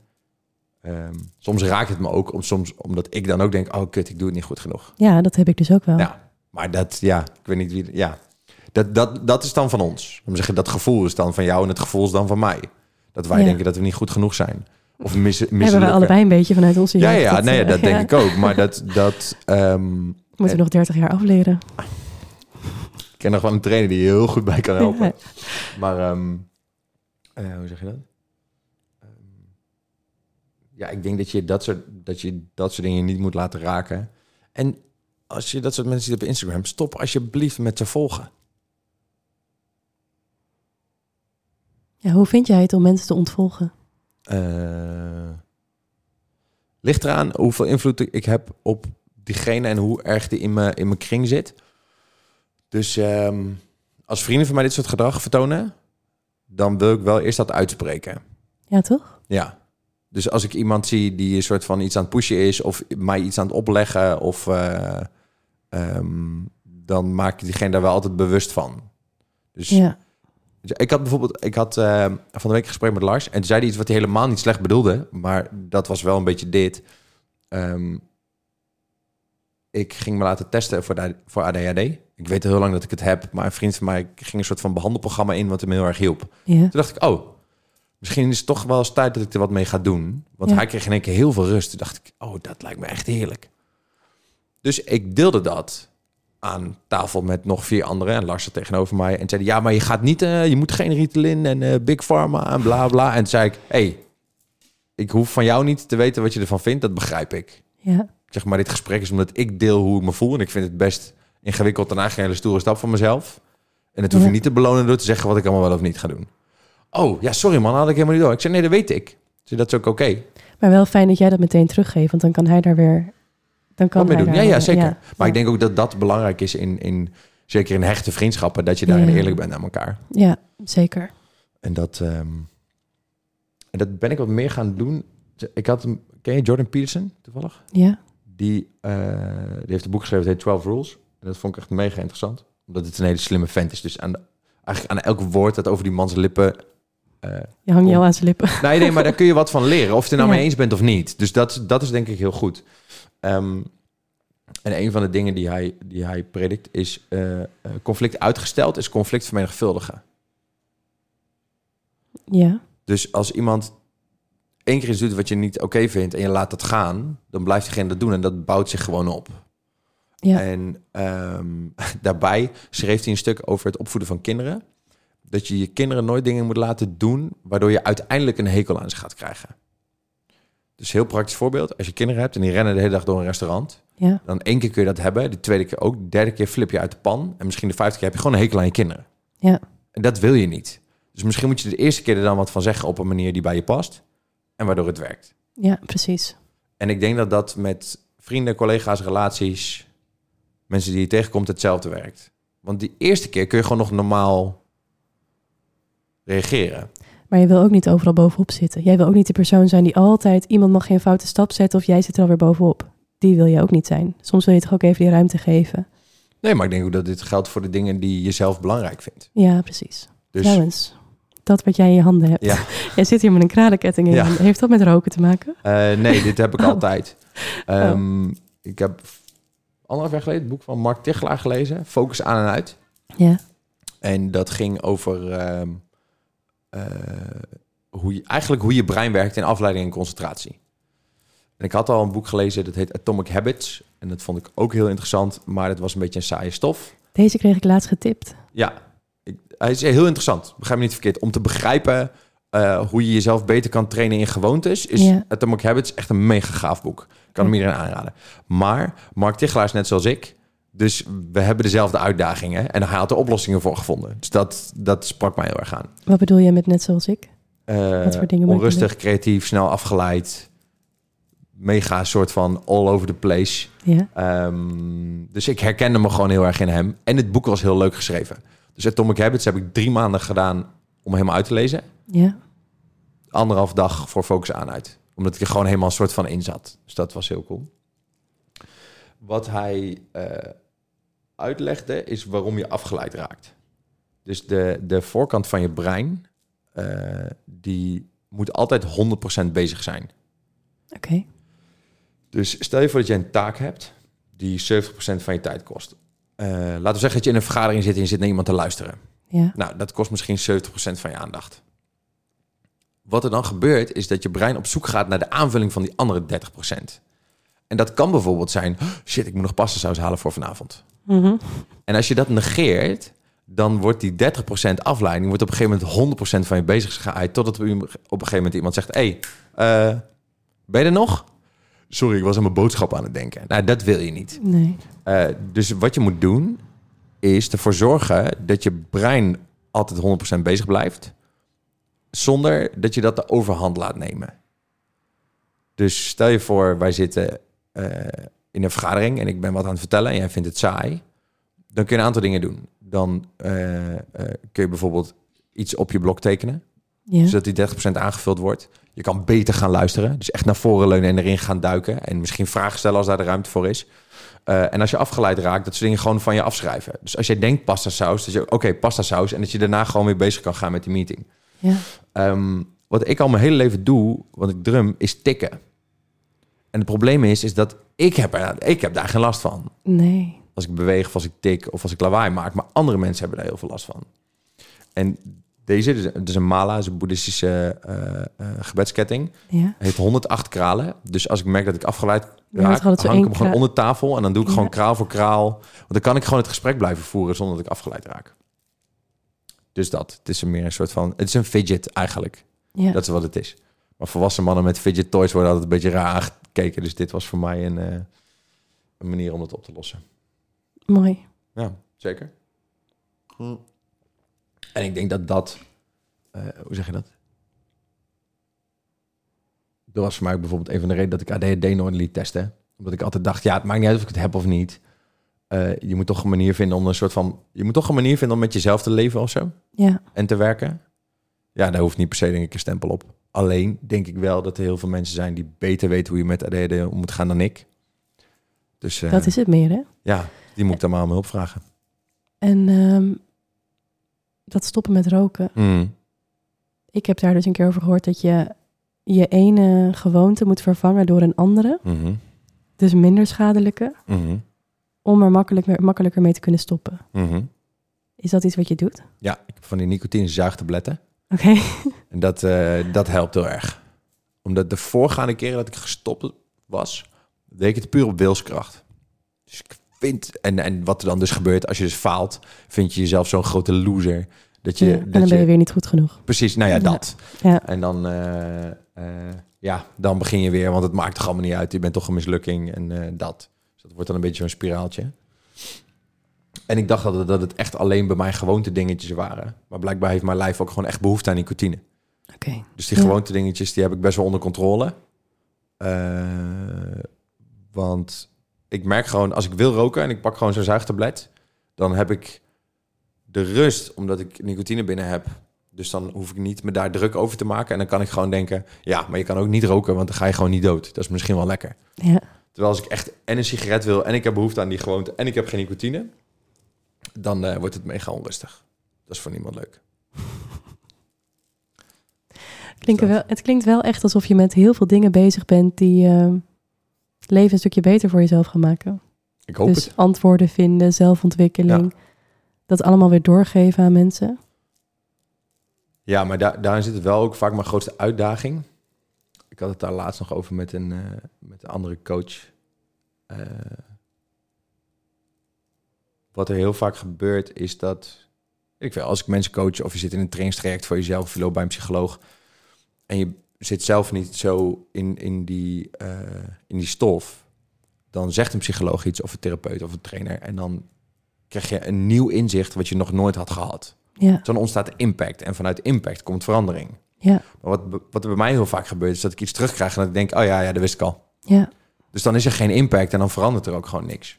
Herkenbaar wel. Daarom ging ik ook naar die haptonoom. Ja, daar wilde ik het nog met je over hebben Ja. natuurlijk. Goed dat- bruggetje dit, dank Ja. je. En dank je wel, podcastmaker. Graag gedaan. Graag gedaan. Nee, maar dat, dat eh, wat ik geleerd had in dat track met Brout, was dat als er echt impact is bij mij, dan, dan komt er verandering. En eh, wat ik heel vaak doe bij mezelf, is als ik mezelf analyseer, dan ga ik het beschouwen. Dus dan ga ik Ja. soort van achterover zitten en dan zeg ik, oh ja, je hebt gelijk. Oh ja, nee, dat zie ik inderdaad ook. Alsof ik niet degene ben over wie het gaat. Oh, dit heb ik ook. Het is alsof je naar een film van je eigen leven kijkt. Ja, oh ja, dat klopt. Altijd, Daar ja. ging je de fout in en dit deed je verkeerd en dit zou je anders Ja. moeten doen. Nou, en als je dit en dit doet, nou, dan eh, kom je er weer. En dan denk ik, nou, top. Maar je voelt er weinig bij. Nul. Ja, Totdat een van die trainers letterlijk naar me toe kwam. En die pakte me bij mijn vest en die trok me naar voren. Die zei, ga nou eens gewoon erin zitten. En toen ging ik recht voorover zitten. maar dat is eng. Fucking hell. Ja, ook, maar even, eh, mind you, dit was een intervisie met 30 man omheen. Hè? Ja, maar daarom is het extra confronterend dat je daar gewoon even in moet gaan zitten en Ja. Erin getrokken wordt. En toen keek aan en zei hij, voel je het nu? En toen zei ik, fuck. En toen werd ik ook heel klein en best wel emotioneel. Ja, En toen zei hij, hoe voel je nu? Toen zei ik, ja, nu voel ik me wel echt een loser. Toen zei hij, ja, daar ben je nu ook. Hij zo, maar ik wil dat je dit gevoel onthoudt. Want als je dat gevoel niet meer wil, dan moet je dit en dit veranderen. En vanuit daar leerde ik dat alleen impact zorgt voor verandering. Ehm, en daar, of in mijn geval, was daar ook gewoon een hele grote sterke gast voor nodig die dat zag. ja, En dat, eh, de enige reden dat hij dat kon, was dat hij het zelf ook zo er had ervaren. Dus deze jonge Joost, die was twee jaar daarvoor bij Brout gekomen... en liep tegen dezelfde dingen aan als ik. En toen Ja. trok iemand hem ook in zijn, in zijn eigen leven eigenlijk. Dat is wat er gebeurde. ja. En eh, ja, alleen daarom eh, ging dat zo goed. Maar toen... oh ja, autonomie, dat was het. Ehm, ik merkte de laatste tijd dat ik gewoon mijn eigen gevoel helemaal had afgesloten. Omdat dat, ja, als je er echt naar kijkt, betekent dat je er wat mee moet. En dat had ik gewoon Zeker. Ja, Eh, maar er, er was, de laatste tijd waren er gewoon te veel dingen gebeurd. En ik voelde dat het er zat, maar het kwam er niet uit. Dus ik kon het niet aankijken. Of ik kon het beschouwen. ja, Dus ik kon heel erg goed zeggen... oh ja, dat eh, had ik misschien anders kunnen doen. Of dat is inderdaad lastig. Of daar zou ik verdriet bij moeten voelen. ja. Maar Precies, dit is die fase waar ik ook nog steeds een beetje in zit en aan het uitstappen ben. Denk ook Mhm. dat we elkaar daarin vonden afgelopen week uh, Mhm. gesprek. ja, Wat doet er die haptonoom daarin voor jou? Eh, ik verklaar hoe het werkt als volgt. Me zeggen, je brein is een soort van drie lagen. Dus eh, als iemand iets vertelt, dan krijg je wat, hoe en waarom in die volgorde binnen. Ja, En tegen de tijd dat het in je waarom, dus in de kern van je brein en je gevoel zit, heb je al zoveel filters eroverheen geflikkerd voor jezelf, dat wat daar binnenkomt soms helemaal niet meer waar is. Dus ik schat jou in als een intelligent iemand. Tegen de tijd dat het bij je gevoel zou moeten komen, heb je het al weggerationaliseerd. ja, Dus wat je moet doen, is denken vanuit de waarom, hoe en wat. Dus als je begint bij je gevoel, is die impact er al voordat die vertaling komt. maar dit is hetzelfde verhaal. Je kan het weten en uit een boekje halen en die kennis hebben. Ja. Wat ik ook weet. Ja. Maar hoe doe je het vervolgens? Ja. Hoe heb Nou, jij dat geleerd? Of wat doe je nu? Nou, wat ik nu doe, is eh, wat, wat... Ja, ik weet niet of ik het begrip haptonomie super goed kan uitleggen. Ik hoop het wel, maar... ehm, wat hij doet, is hij geeft je inzicht in hoe je lijf reageert op wat je eigenlijk voelt. Zodat je het kan tackelen voordat die filters eroverheen komen. Dus ik kreeg op een gegeven moment huiswerk mee. Eh, nee, ik moet het wel goed vertellen. Het begon dat ik met een yogadocent in gesprek was. En die vroeg mij, hoe voel je je? En toen vertelde ik dat. En zij zei, nee, je beschrijft nu hoe je denkt over hoe je je voelt. Maar ik vraag hoe je je voelt. Toen zei ik, ja, eh, weet ik veel. Oké, nou, vierkantje. Angst, woede, blijdschap. of weet je wel zo, dat is een heel basis. Ja, Ja. weet ik niet. Oké, nu voelen we woede. Zo- Zover zijn we. Ja, En ehm, toen dacht ik, ja shit, ik moet hier wat mee. Toen ging naar die haptonoom en toen begon dat. Hij zei, wat is je vraag? Toen zei ik, nou, ik kan niet zo goed voelen. En toen gingen we in gesprek en zei na vijf minuten, zei, nou, we gaan de vraag even veranderen. Hij zei, want ik denk dat je heel goed kan voelen, alleen niet voor jezelf. Dus heel goed dat van anderen. Want ik schat je in als een empathisch iemand. Je vraagt aan mij hoe het gaat. We hebben een leuk gesprek. Iemand die niet kan voelen, heb ik hele andere gesprekken mee. Toen zei hij, nou doe eens je ogen dicht. En toen kreeg ik eerst in mijn hand een grote marmeren beeldje. En zei hij, wat voel je? En zei ik, nou, het is koud en het is glad en het is rond. Hij, oké. Toen kreeg ik een handdoek. Toen zei ik, nou, die is licht en die is korrelig en is opgevouwen. Toen zei oké. Hij zei, je hebt nu omschreven wat je in je hand hebt. Maar je hebt, niet, je hebt me niet verteld hoe je je voelt. Zei ik, oh, ik snap het. Ik zei, want toen ik die handdoek in mijn hand kreeg, voelde ik geborgenheid. Alsof je een handdoek over je heen Ja. fout. En ehm zei hij, ja, maar dit is, hij zei, dit is precies het verschil tussen omschrijven wat je aanraakt en voelen wat je voelt. Ja. Want wat je brein doet als je dat marmeren beeldje in je hand hebt, ga je bedenken hoe het moet voelen. Ja. Dus ga je omschrijven wat je aanraakt. Maar dat is helemaal niet hoe je je voelt. Klinkt dat logisch? Ja, het klinkt heel logisch.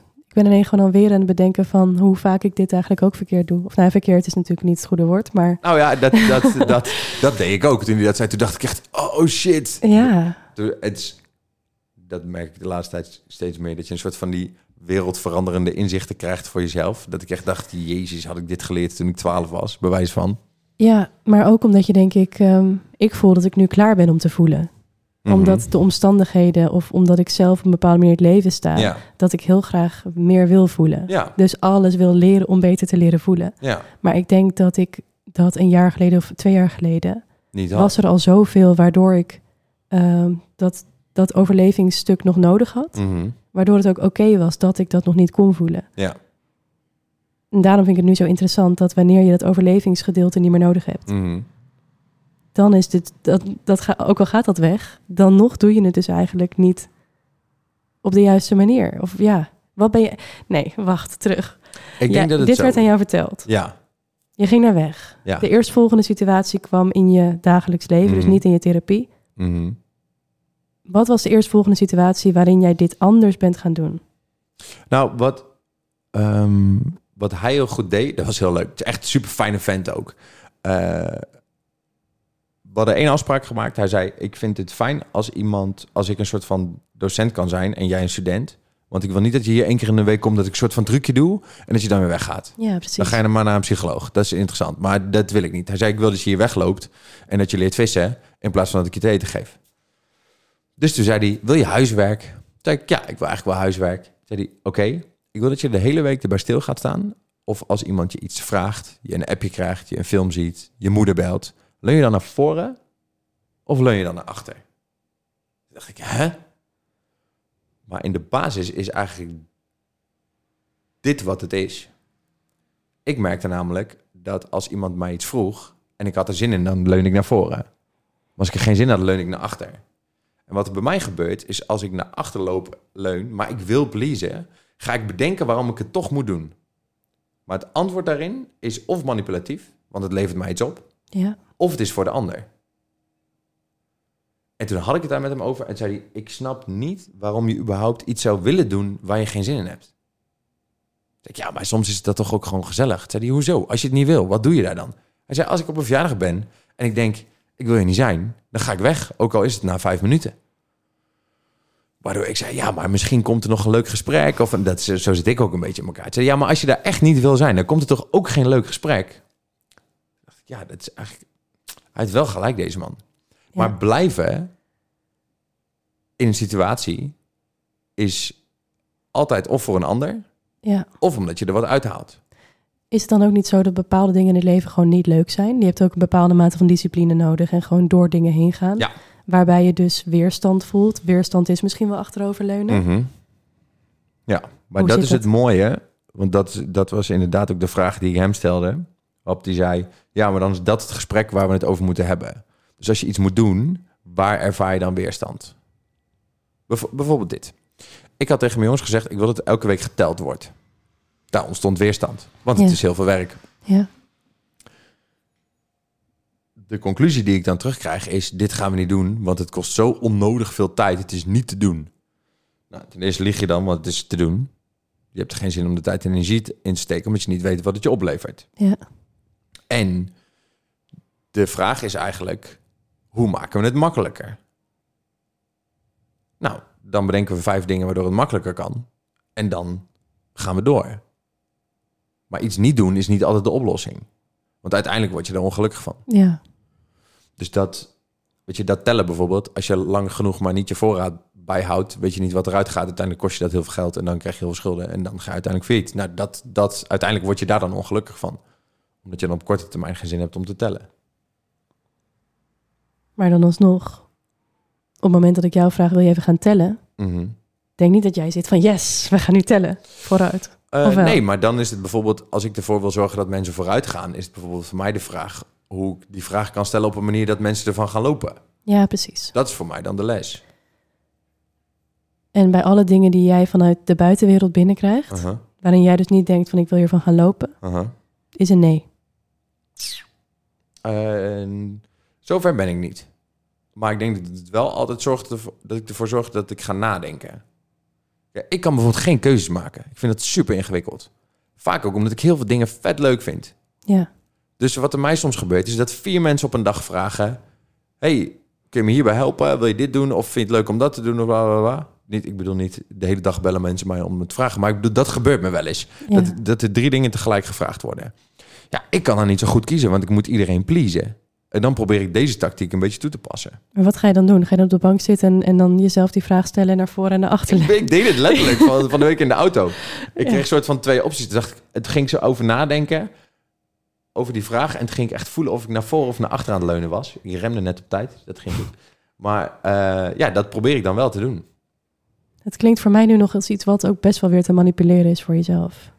Ja, dus maar je moet het je moment denk ik... dus er net voor zijn. Het moment voordat je gaat denken, dat moment pak je en daarop ga je handelen.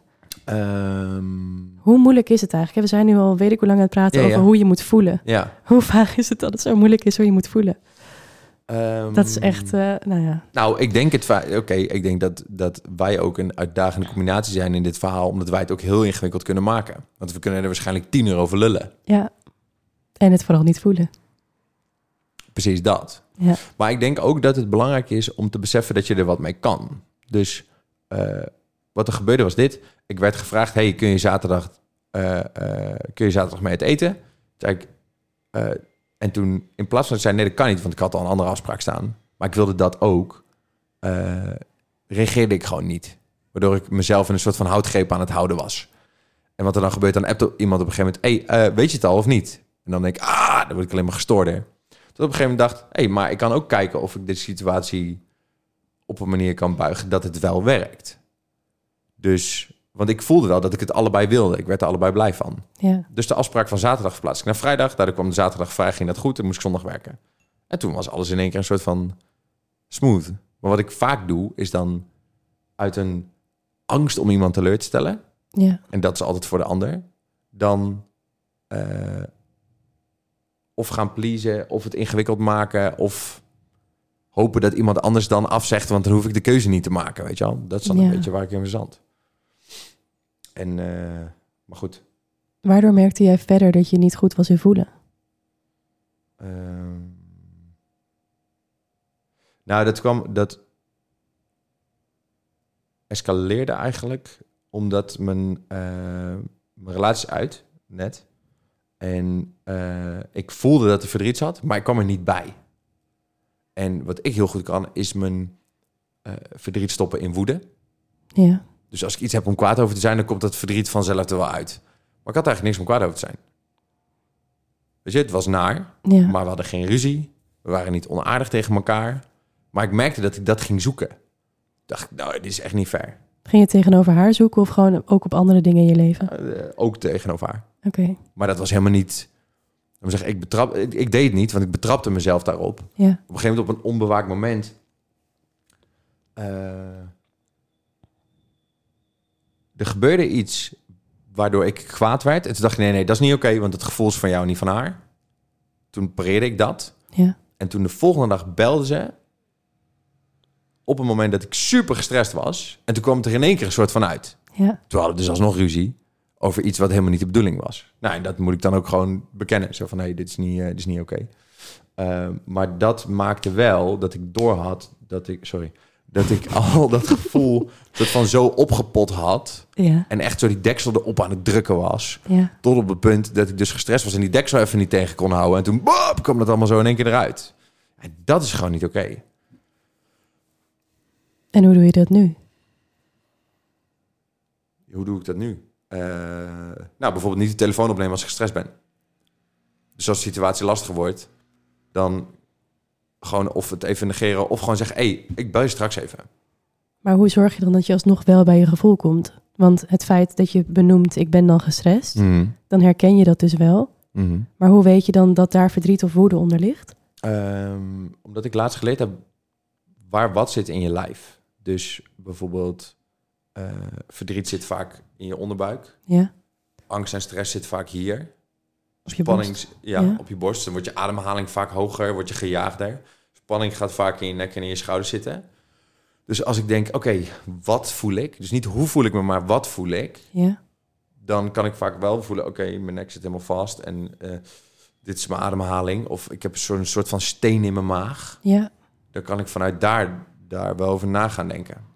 En als je dat hebt, rationeel hebt bedacht, want dat ben je dan dus eigenlijk weer aan het doen. Hoe zorg je dan dat je het ook gaat voelen? Door gewoon alle ratio weg te halen. Door, soms ga ik gewoon op de bank zitten Ja, en dan... Ja, dat is heel stom, maar dat... Of nee, niet stom. Dat is het enige wat voor mij in ieder geval werkt. Is het maar even laten gebeuren. en wat gebeurt er dan? Ehm, dat ligt aan hoe ik me voel. Bijvoorbeeld, dat leer ik van die haptonoom, dat ademhaling volgt de emotie. Dus als je gestrest bent, ga je sneller ademhalen. Maar het is niet zo dat doordat je sneller adem gaat halen, dat je dan voelt dat er stress is. Als je dus gewoon rustig gaat zitten en je voelt dat je ademhaling door je gedachten omhoog gaat, Ja, dan weet je dus dat er stress zit. En daar moet je dan wat mee. en hoe zit dat met verdriet? Ehm, ja, verdriet vind ik nog steeds heel ingewikkeld. Ik heb geen goed antwoord op deze vraag. Ja, ik dus ook niet. Daarom Nee. stel ik hem aan jou. Nee. Ik had een beetje hoop dat dat... ja, nee, ja, ik- wat, ja. wat ik, wat, eh, ehm, wat ik dus bijvoorbeeld probeerde, en dat werkte wel een beetje, maar niet helemaal, is eh, als ik me verdrietig wil voelen, omdat ik merk dat het in de weg zit, ja. kan ik bijvoorbeeld nummers gaan luisteren die me dan raken. ja, ik doe dat ook. Of ik kijk bepaalde dingen en dan denk ik, hierbij voel ik dat. En Ja. dan, dan komt het los. Ja, Maar dan is het gevoel wat loskomt alsnog wel gelinkt aan datgene wat ik dan zie of hoor. ja, Is dat dan net zo heel... Want ik denk dat gevoel uiten of, of je emotie uit of kunnen huilen... dat dat best heel helend kan zijn. Mhm, zeker. Maar op het moment dat het op zo'n manier opgeroepen wordt... is het dan nog steeds... of- Helend? Ja, Ik denk het wel. Ik had eh laatste jongen mij op de zaak. Die, eh, ik, zag, ik zag gewoon aan hem dat hij niet oké was. ja, zei ik, maat, wat is aan de hand? Zei hij, "Oh, weet niet man, ik heb gewoon even geen eh, zin Ja. meer in dingen, gewoon. ja, Hij zei niet in het leven, maar dat bedoelde hij wel. Oké, waar voel je dat? Zei hij, hier. Oké, Toen pakte hij gewoon een hele grote pizzadoos. Zei ik, rammen. Sloeg hij een beetje af. Ik zei, hup, kom, dit moet eruit. ja, Ze maakt me niet uit wie er kwam, maar dit moet er eerst uit. ja. Nou, op een gegeven moment sloeg hij de hele doos aan flarden. En dat luchtte wel een soort van op. Maar ik denk dat het belangrijk is dat we gevoel uiten, op wat voor manier dan ook. Maar dat doen op een manier die niet schadelijk is voor anderen. Ja, precies. Want wat er anders is ge- gebeurd was...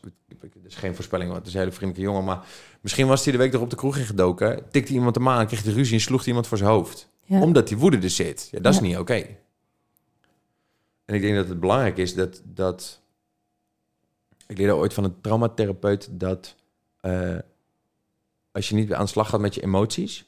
is het net alsof je zo'n ehm, grote yogabal met lucht onder water drukt. Ja, En hoe meer emoties je oppot, hoe groter die bal wordt. Dus hoe harder je moet drukken om die tegen te houden. Maar op een gegeven moment krijg je hem gewoon in je gezicht. Of je kiest ervoor om hem los te laten. Een van de twee. ja, Maar de vraag is, hoe kunnen we die bal leeg laten lopen... zodat je niet de hele tijd hoeft te drukken. En als dat, weet ik veel... als je verdrietig kan zijn omdat je een film ziet... en dat verdriet komt eruit... ik denk dat dat een hartstikke goede manier is. Want je neemt het gewoon van je schouders af. ja. Ja, ik vind het dus interessant, omdat het, ehm, het lijkt zo'n dun lijntje tussen op een goede manier met je gevoel omgaan en het op de juiste manieren weten hoe je erbij komt en het te gaan uiten. Mhm. Of het daarmee ook weer een soort van laagje overheen leggen. Kijk, ik weet bij mij bijvoorbeeld, Op het moment dat ik stress heb en dat ik het druk heb of dat er veel gebeurt in mijn leven, dan helpt het mij als ik wel genoeg blijf sporten. Dat is Oh ja. echt mijn uitlaatklep. Logisch. Maar je weet ook weer, dat moet je niet te veel gaan doen. Want als jij gaat sporten om niet te voelen, zit je ook weer in die cirkel wat niet gezond is. Maar bij mij merk ik dus wel dat op het moment dat ik gewoon lekker mijn dingen aan het doen ben en ik blijf zin Mhm. hebben in het leven, dus juist wel, Mhm. dan doe ik blijkbaar niks verkeerd. Nee. Terwijl ik alsnog niet zit te huilen op de bank op het moment dat het wel gepast zou zijn. Dus ergens gaat dan misschien ook iets mis. Oh ja, grappig. Ik, ik, zit, ik, ik zit jou te, te- Ik hoor wat je zegt. Ja. En ik denk op dat moment...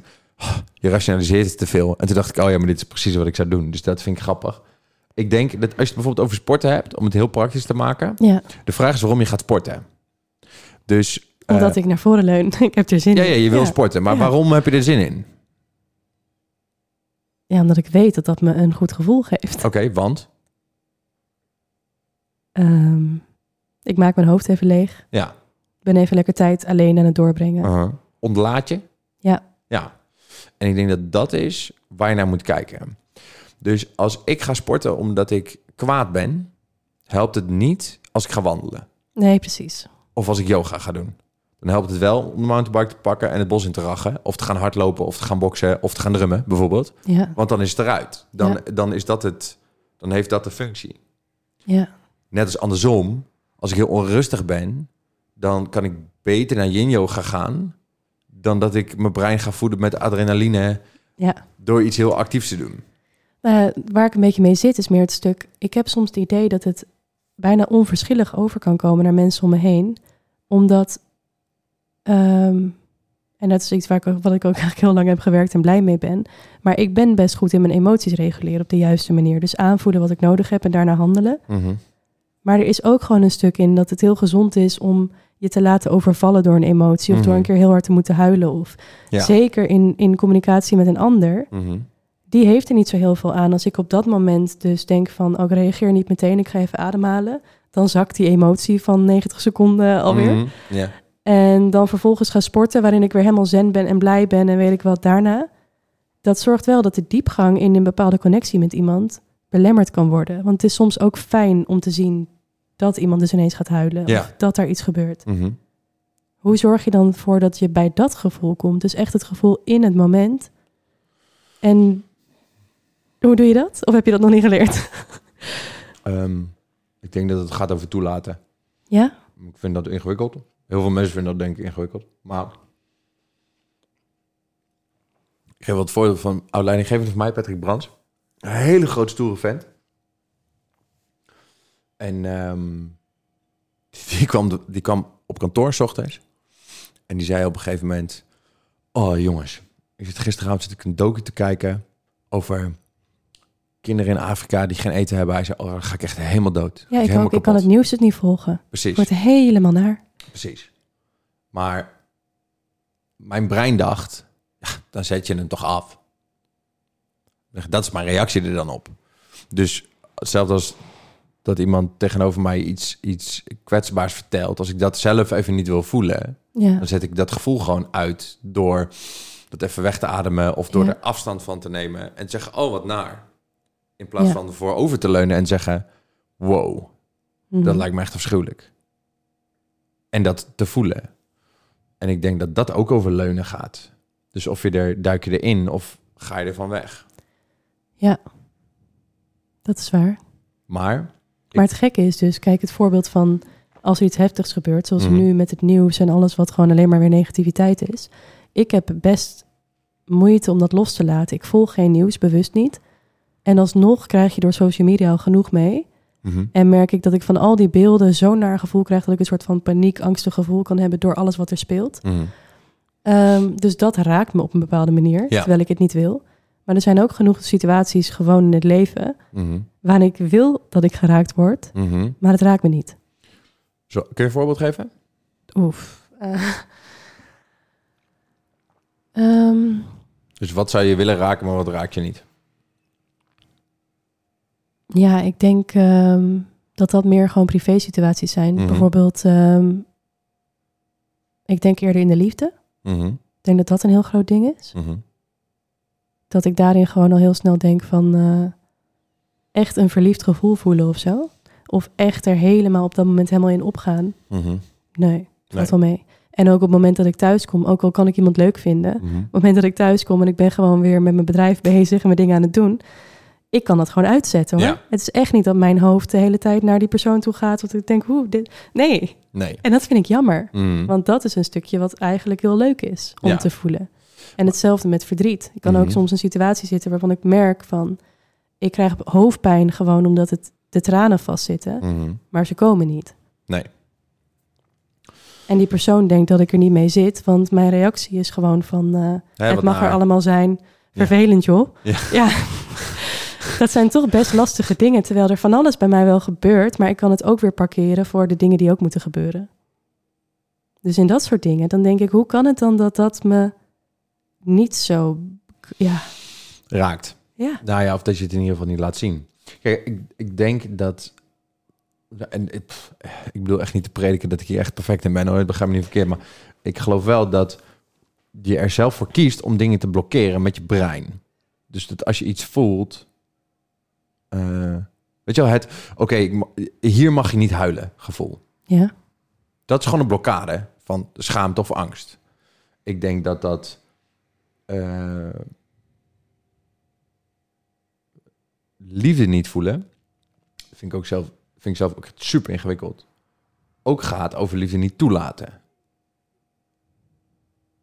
dus weer over angst.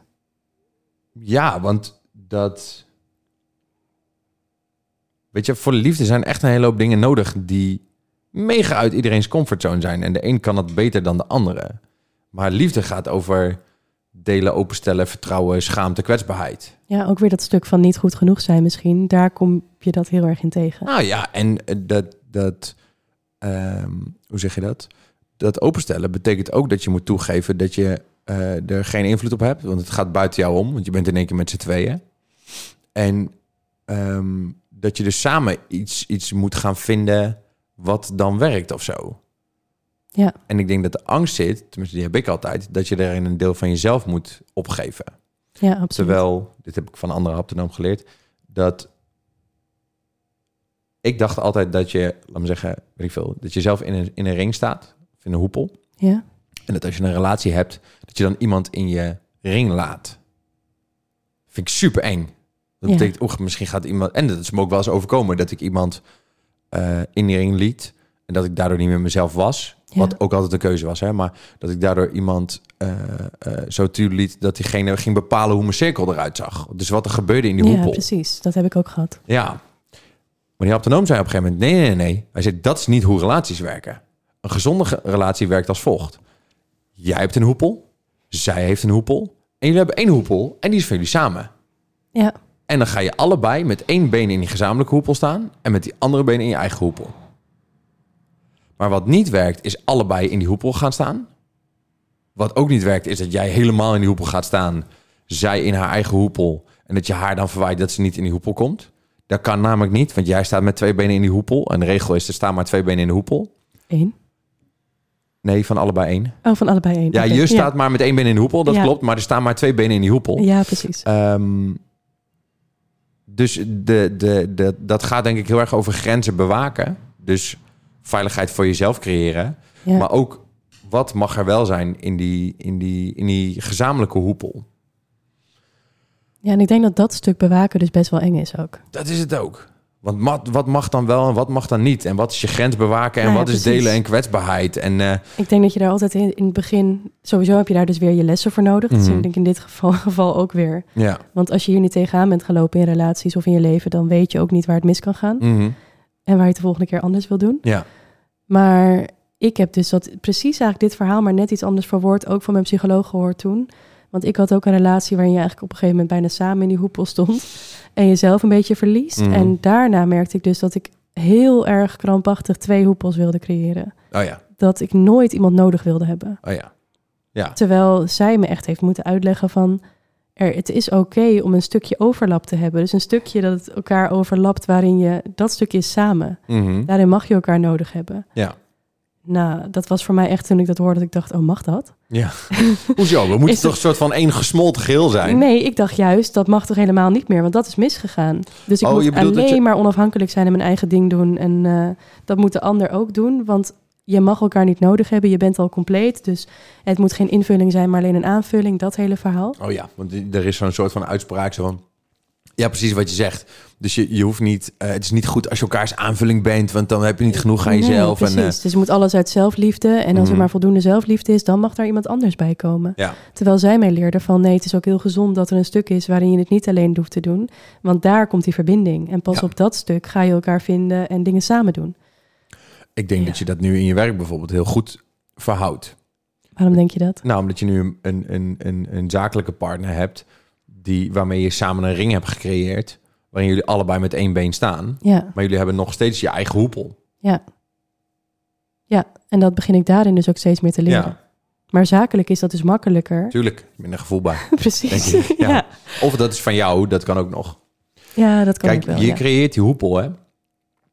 Ik denk dat dat het voordeel is van je eigen bedrijf hebben. Dat je zelf bepaalt hoe die hoepel eruit ziet. Hoeveel mensen er in die hoepel zitten. ja, En eh, maar je houdt je hoepel ook kleiner dan nodig is vaak. Ja, dat denk ik wel. Maar dat is... Dat, kijk, ik denk dat het eerst belangrijk is om te bepalen voor jezelf... Hoe ziet mijn hoepel eruit en wie mogen erin? Voordat je een hele grote hoepel neerlegt en zegt, kom maar. Ja, Want dan, dan wordt het unmanageable. En Ja. wat er dan gebeurt, is dan stap je zelf uit de hoepel van je bedrijf. Omdat er te veel mensen inlopen. Ja, dat is niet oké, nee. denk ik. Maar goed. Dus dat. Ja, weet ik veel. Voelen, ingewikkeld, dingen. Ja, ik vind het ook ingewikkeld. Maar ik denk, ja, dit is gewoon... Dat, dat, ik merk dat het bijvoorbeeld helpt om eh, afleidingen gewoon uit te zetten. Wat zijn afleidingen voor jou? Ehm, voor mij is alles afleiding. Ik hoor het je nu al twee keer zeggen. Dat is dat ADHD-stuk, denk ja, ik. dat Of, is, eh, nou ja, ja. Weet, ja, weet of niet, überhaupt persoonlijkheid, of hoe moet ik dat zien? een combinatie van al deze dingen. Ja, Het is gewoon onrust. En ehm, ik denk dat je dat moet leren. Of train, ik train altijd om dat, om dat uit te zetten. Dus bijvoorbeeld, ik word helemaal gestoord als ik niet mediteer. Ja, En dat hoeft niet elke dag. Ik doe het vaak als het nodig is. Dan ben ik eigenlijk al te laat. Maar ja, dan maar niet. Prima. ja, Het gaat maar, ja, nee, ja, maar prima, weet je wel. Ehm, om gewoon een beetje rust te creëren. En er ook gewoon voor te kiezen om rust te creëren. Want dan pas komt het gevoel. Kijk, Ja. dingen zoals stress komen altijd voort uit gevoel. Niet per se uit gedachten. Gedachten is wat je jezelf aanpraat vanuit gevoel. Ja, En ik denk dat het heel belangrijk is om ons brein te leren uitzetten. Want ehm, ik denk niet dat we slim genoeg zijn om te denken. Ik denk dat we slim genoeg zijn om zelf kritisch te zijn. mhm. Dus te becommentaliseren wat we allemaal verkeerd doen. En als je dus al gestrest hebt, is de zelfkritische gedachte nooit positief. nee, klopt. Dan wordt het gewoon negatieve feedback die in je eigen hoofd soort van aan het rond laat paraderen. Ja. Dus dan moet je denk ik eerst voor rust zorgen. Hoe dan ook. ja, ik vind het dus apart dat, dat ik ervaarde laatst een keer dat ik dus op het moment dat ik rust nodig had, Mhm. dat door mediteren probeerde te bereiken. En ik, werd, ik kwam daar niet. Toen was het al zo ver overgelopen dat ik, eh, ik ging in bad zitten met mijn kaarsjes om me heen. En Moet rusten! Dat? Ja, nou ja. nou, dat werkte echt niet hoor. Nee. Toen dacht ik ook, nou weet je, dan maar niet. Dan maar dus weer overgeven aan dat dat even niet lukt. Mhm. Wat heb je toen gedaan? Ja, en loslaten dus eigenlijk. Waar ik normaal dus zou gaan forceren van... ik heb die rust nodig en het is nodig. Mhm. Dan dus maar even dat niet perfect doen. Ja. Nou, ik zit hier nog steeds, ik ben oké. dus Goed ja, zo. Blijkbaar is goed gegaan. Ja. Maar ehm, ja, dat, dat klinkt dus ook vaak wel makkelijk om rust te creëren. Mhm. Maar dat vind ik ook nog best wel lastig soms. Ja, maar dat, dat is het denk ik ook. En ik denk dat je moet zoeken naar... Weet ik veel, net als dat je, dat je uit moet vinden... wat voor mensen bij je passen... of wat voor eten je lekker vindt... of wat voor hobby's je leuk vindt. Dat je ook kiest in wat voor manier je rust hebt voor jezelf. Ja. Kijk, meditatie is voor mij echt de laatste stroomhalm die ik aangrijp om rust te creëren. Bij mij zit het echt in, eh, in, in drummen. Daar word Ja. ik heel veel minder angstig van. In eh, gezond eten, een vast ritme en sporten. En meditatie is eigenlijk pas de laatste. Eigenlijk heb ik meditatie nodig als ik die andere shit allemaal niet voor elkaar heb. Ja, ik dus ook vaak. Ja, Dat is een soort van pleister. En dat moet eigenlijk veel meer naar voren, waarom? denk ik. Ja, dat is weer het stukje van moeten, terwijl het misschien helemaal Van niet wie? hoeft. Van de Ja. dokter? Nee, omdat dat dus zo vaak gezegd wordt. Dat, iedereen, dat is dus het ochtendritueel. Nou, ik probeer dus wel vaak, hoef ik niet eens te proberen, maar als ik wakker word, dan voel ik me Mhm. al dankbaar voor de dingen die ik heb. Mhm, Fijn. Maar En als ik ga slapen vaak ook. Aha. Alleen er zijn zoveel dingen die dan eigenlijk beter zouden moeten. Waaronder dus misschien dagelijks mediteren of elke ochtend daarmee beginnen. Ja. Ja, ja, elke ochtend kombucha shots, dat zit ongeheim. ja van alles. Dat, eh, wie weet komt er steeds meer in mijn leven waarin ik dat allemaal doe, omdat ik dat voel. Maar Ja, weet je, ik Ja. denk eigenlijk vooral altijd als ik dit soort dingen hoor. Je doet dit soort dingen voor rust. En vervolgens leg je jezelf zoveel op dat het een gestreste situatie Ja. wordt. ja, En ik denk dat. mij geeft het dus rust om even op die pizza's terug te komen van je. Mij geeft het rust als ik soms in de loop van de dag kan denken van... oh, het is best een drukke dag. Ik heb geen zin om bezig te zijn met nog boodschappen halen, eten koken, weet ik wat allemaal. Ik ga naar huis, ik ga op de bank liggen en ik bestel wel pizza. Ja. Als ik dat al besluit ergens in de ochtend, Ja, heb je rust. heb ik rust. Ja. Is het goed? Nee, maar ik heb wel rust. Dus dat Hoezo is is het slecht? Nou ja, omdat die pizza blijkbaar niet gezond is. En omdat Van, wie eh, zegt dat? de wereld... Dit ga ik even beargumenteren. Wat is er ongezond aan de pizza? Ja, weet ik veel. Helemaal niks. Nou ja, ik bestel dus ook nog eens vaak die bloemkoolbodem. Is Goed die zo. echt van bloemkool gemaakt? Ja, daar zit bloemkool in, ja. Er zit bloemkool in. Nee, nee, maar laat me zeggen, je kan niet met alleen bloemkool deeg maken. Dat kan niet, want er is geen glutenstructuur en dat, dat Nee. werkt gewoon niet. Maar ik denk dat het altijd in je leven gaat over wat je beter kan doen dan gisteren. Ja, maar ik ben in mijn leven nooit minder pizza's gaan bestellen nog. Nee, maar misschien is dat dan iets, niet, niet iets waar je verandering in moet aanbrengen. Ja, precies. Snap je? Dat, kijk, ik, als ik bijvoorbeeld te veel koffie drink, dan kan ik heel kwaad worden over de hoeveelheid koffie die ik drink, rigoureus stop, stoppen en daar heel ongelukkig van worden. Ja, Of ik ga van tien koppen naar vijf. ja precies. Dus het is een beetje... eh, Ja. Tegen kinderen toch altijd, hoe eet je een olifant in kleine stukjes? Oh, serieus? Deze ken ik niet eens. Ja, leer ik van de trainer ooit. Hoe eet je een olifant? Dan ging hij gewoon zo'n heel, heel, hele grote olifant tekenen en dan alles wat in die olifant zit. En dan ging hij hem gewoon Ja. in stukjes knippen. Dus, nou, één ding tegelijk. Ja. En ik denk dat dat het is.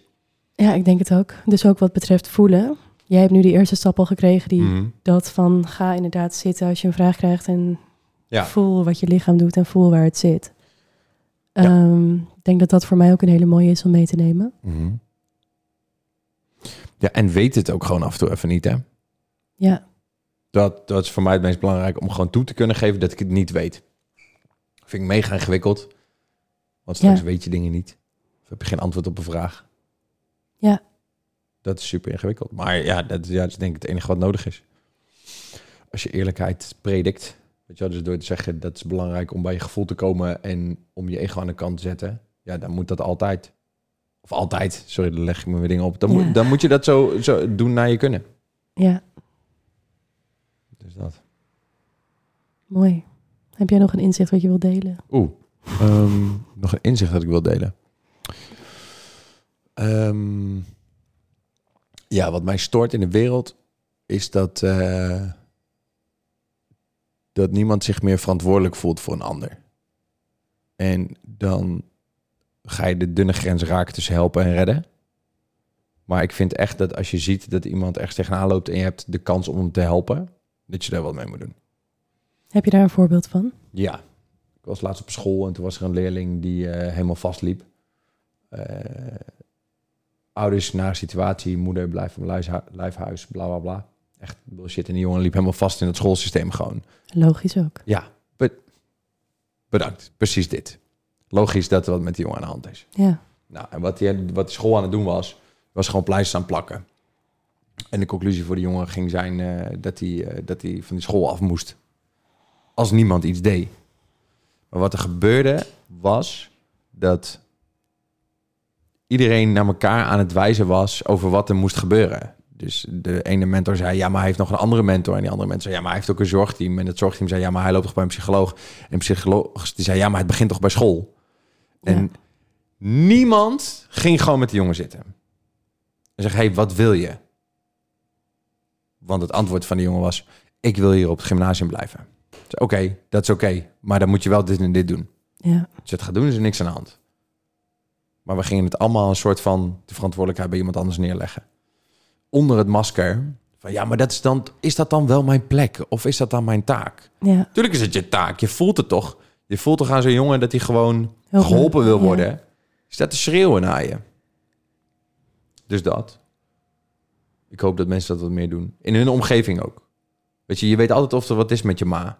Of met je zusje of met je buurman. Maar we hebben het allemaal vaak te druk met onszelf. Ja, ja, maar dat is toch ook allemaal bullshit? Ja, is ook bullshit. Nou, aan de ene kant dus niet. Het is heel belangrijk, want als iedereen voor zichzelf zou zorgen, dan ja, hoef je het een stukje minder voor elkaar te doen. Maar Ja. sommige dingen kun je dus inderdaad even niet alleen. Of heb je wel eventjes die hulp bij nodig. En dan eh, wordt het een stukje makkelijker. Ja, en de vraag is, is of iemand anders helpen wel of geen zelfzorg is. Omdat het voldoening geeft, bedoel je? Ja. Dus als ik mijn buurman zie en ik, ik, ik zie... Ik veel dat hij een praatje verlegen zit en ik vraag of hij een kop koffie even wil drinken. En we hebben een superleuk gesprek. Ja, je er zelf wordt- ook wat aan?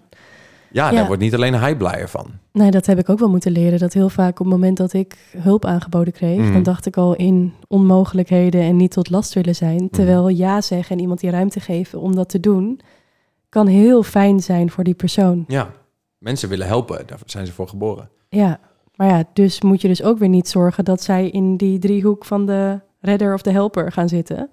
Nee, maar dat, dat is ook... Dat, maar, ja, maar dat Dus- gaat over... Maar dat is wel een mooie kanttekening. Ja. denk Dat als je de hele tijd heel bewust gaat zijn in welke rol je zit. Mhm. En anderen daar dan ook niet meer in wil gaan zetten, omdat het allemaal ego moet zijn. Dat is het dus niet. Nee. Je moet dus wel menselijk blijven. Zeker, want het, het, het, kijk, verantwoordelijkheid delen en geven gaat niet over dingen over de heg flikkeren en maar in het midden laten. Nee. Weet je, dus, dus ik geloof ook dat mensen gewoon de ruimte moeten voelen om te delen. Want ik zei net, we zijn alleen maar een soort van in staat om zelfkritisch te zijn, niet om te denken. Ja, We, on- we denken dus door gesprekken te voeren. En je begint allebei met een overtuiging. En door een gesprek te voeren leer je nieuwe dingen en gaan de oude dingen van jezelf dood. Ja. Dus als je een buurman hebt die het moeilijk heeft, om wat voor reden dan ook, en die zit om een praatje te verlegen, dan ga jij er wat van leren, gaat hij er wat van leren. ja, En dan help je elkaar zonder dat je altijd boodschappen moet doen. ja Dat, dat is namelijk niet wat iemand van je vraagt. Ja. Iemand vraagt gewoon om een kop koffie. Denk ik. En dat is wel wat er heel vaak in de weg staat. Van ja, maar als ik het nu één keer doe, dan zal die persoon wel, niet denk, wel denken dat ik dit altijd doe. En heb ik helemaal geen tijd voor, dus ik doe het maar niet. Ja, terwijl je zelf gewoon kunt zeggen, sorry, ik kan niet altijd je boodschappen doen. Ja, Maar ik wil wel één keer in de week koffie met je drinken. ja, En Goeie. dat in de angst om anderen dan teleur te stellen, ga je dus eigenlijk je eigen geluk uit de weg. ja. Want dat, dit leerde ik vorige week van een paar pubers.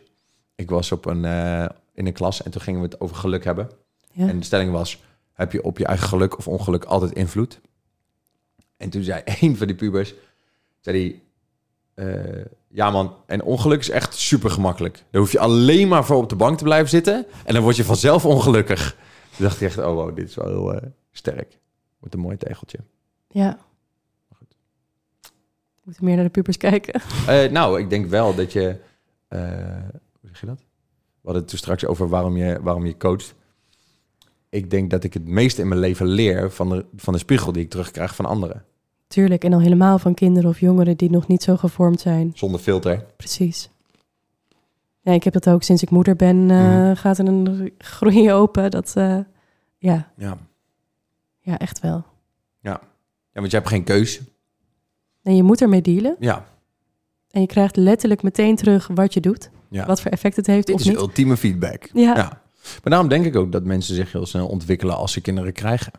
als je ervoor open staat wel. Want je kan dus ook dat doen. ook je kan ook een hele nare ouder worden, bedoel je? Ja, of Toch? zorgen dat jij dus dingen toe gaat staan... waardoor je je kind gaat haten, wat je net zei. Ja. En Het al- is heel veel investeren in opvoeden vanaf het begin. Mhm. En al die tijd daar zorgen dat zij eh, zich mogen ontwikkelen en zichzelf mogen zijn. Ja. Maar ook nog zorgen dat jij in die situatie ook oké bent. Dat is echt wel elke keer weer een soort van zoektocht. Mhm. Hoe doe je dat? Ehm, ja, hoe doe ik dat? Ik denk zorgen dat ik niet projecteer wat ik denk dat nodig is in deze maatschappij, waar zij zich aan moeten gaan vormen. Want dat is Ja. vaak niet zo. Dus dat is iets wat ik helemaal vrij probeer te laten. Mhm. Maar ik wil wel zorgen dat ik. Het is ook mijn huis, het is ook mijn leven. Ja, ja. Dus ik Jij heb moet ook mijn dingen wel of niet oké grenzen. vinden. Ja, Ja. ik vind het niet prettig als eh, ik heb bepaalde regels voor mezelf. Die zijn Oh. duidelijk voor ze. Ja. Ehm, s ochtends dan heb ik een moment dat ik mijn kopje koffie drink. Ja. Ze zit het liefste de hele dag op mij, bovenop mij, tegen me aan. Op het moment dat ik koffie drink, die koffie is heet. Ja, ja. Dus dat moment is, ik hoef nu maar te zeggen, ik ben koffie aan het drinken. Ja. En zij snappen al dat ze even ruimte moeten geven. ja. dus ik goed. heb even mijn koffiemomentje. Ja. En dan daarna is er alle ruimte weer om over mij heen te springen. Ja. En gek Dan mogen we weer. Ja, precies. Ja. Goed zo.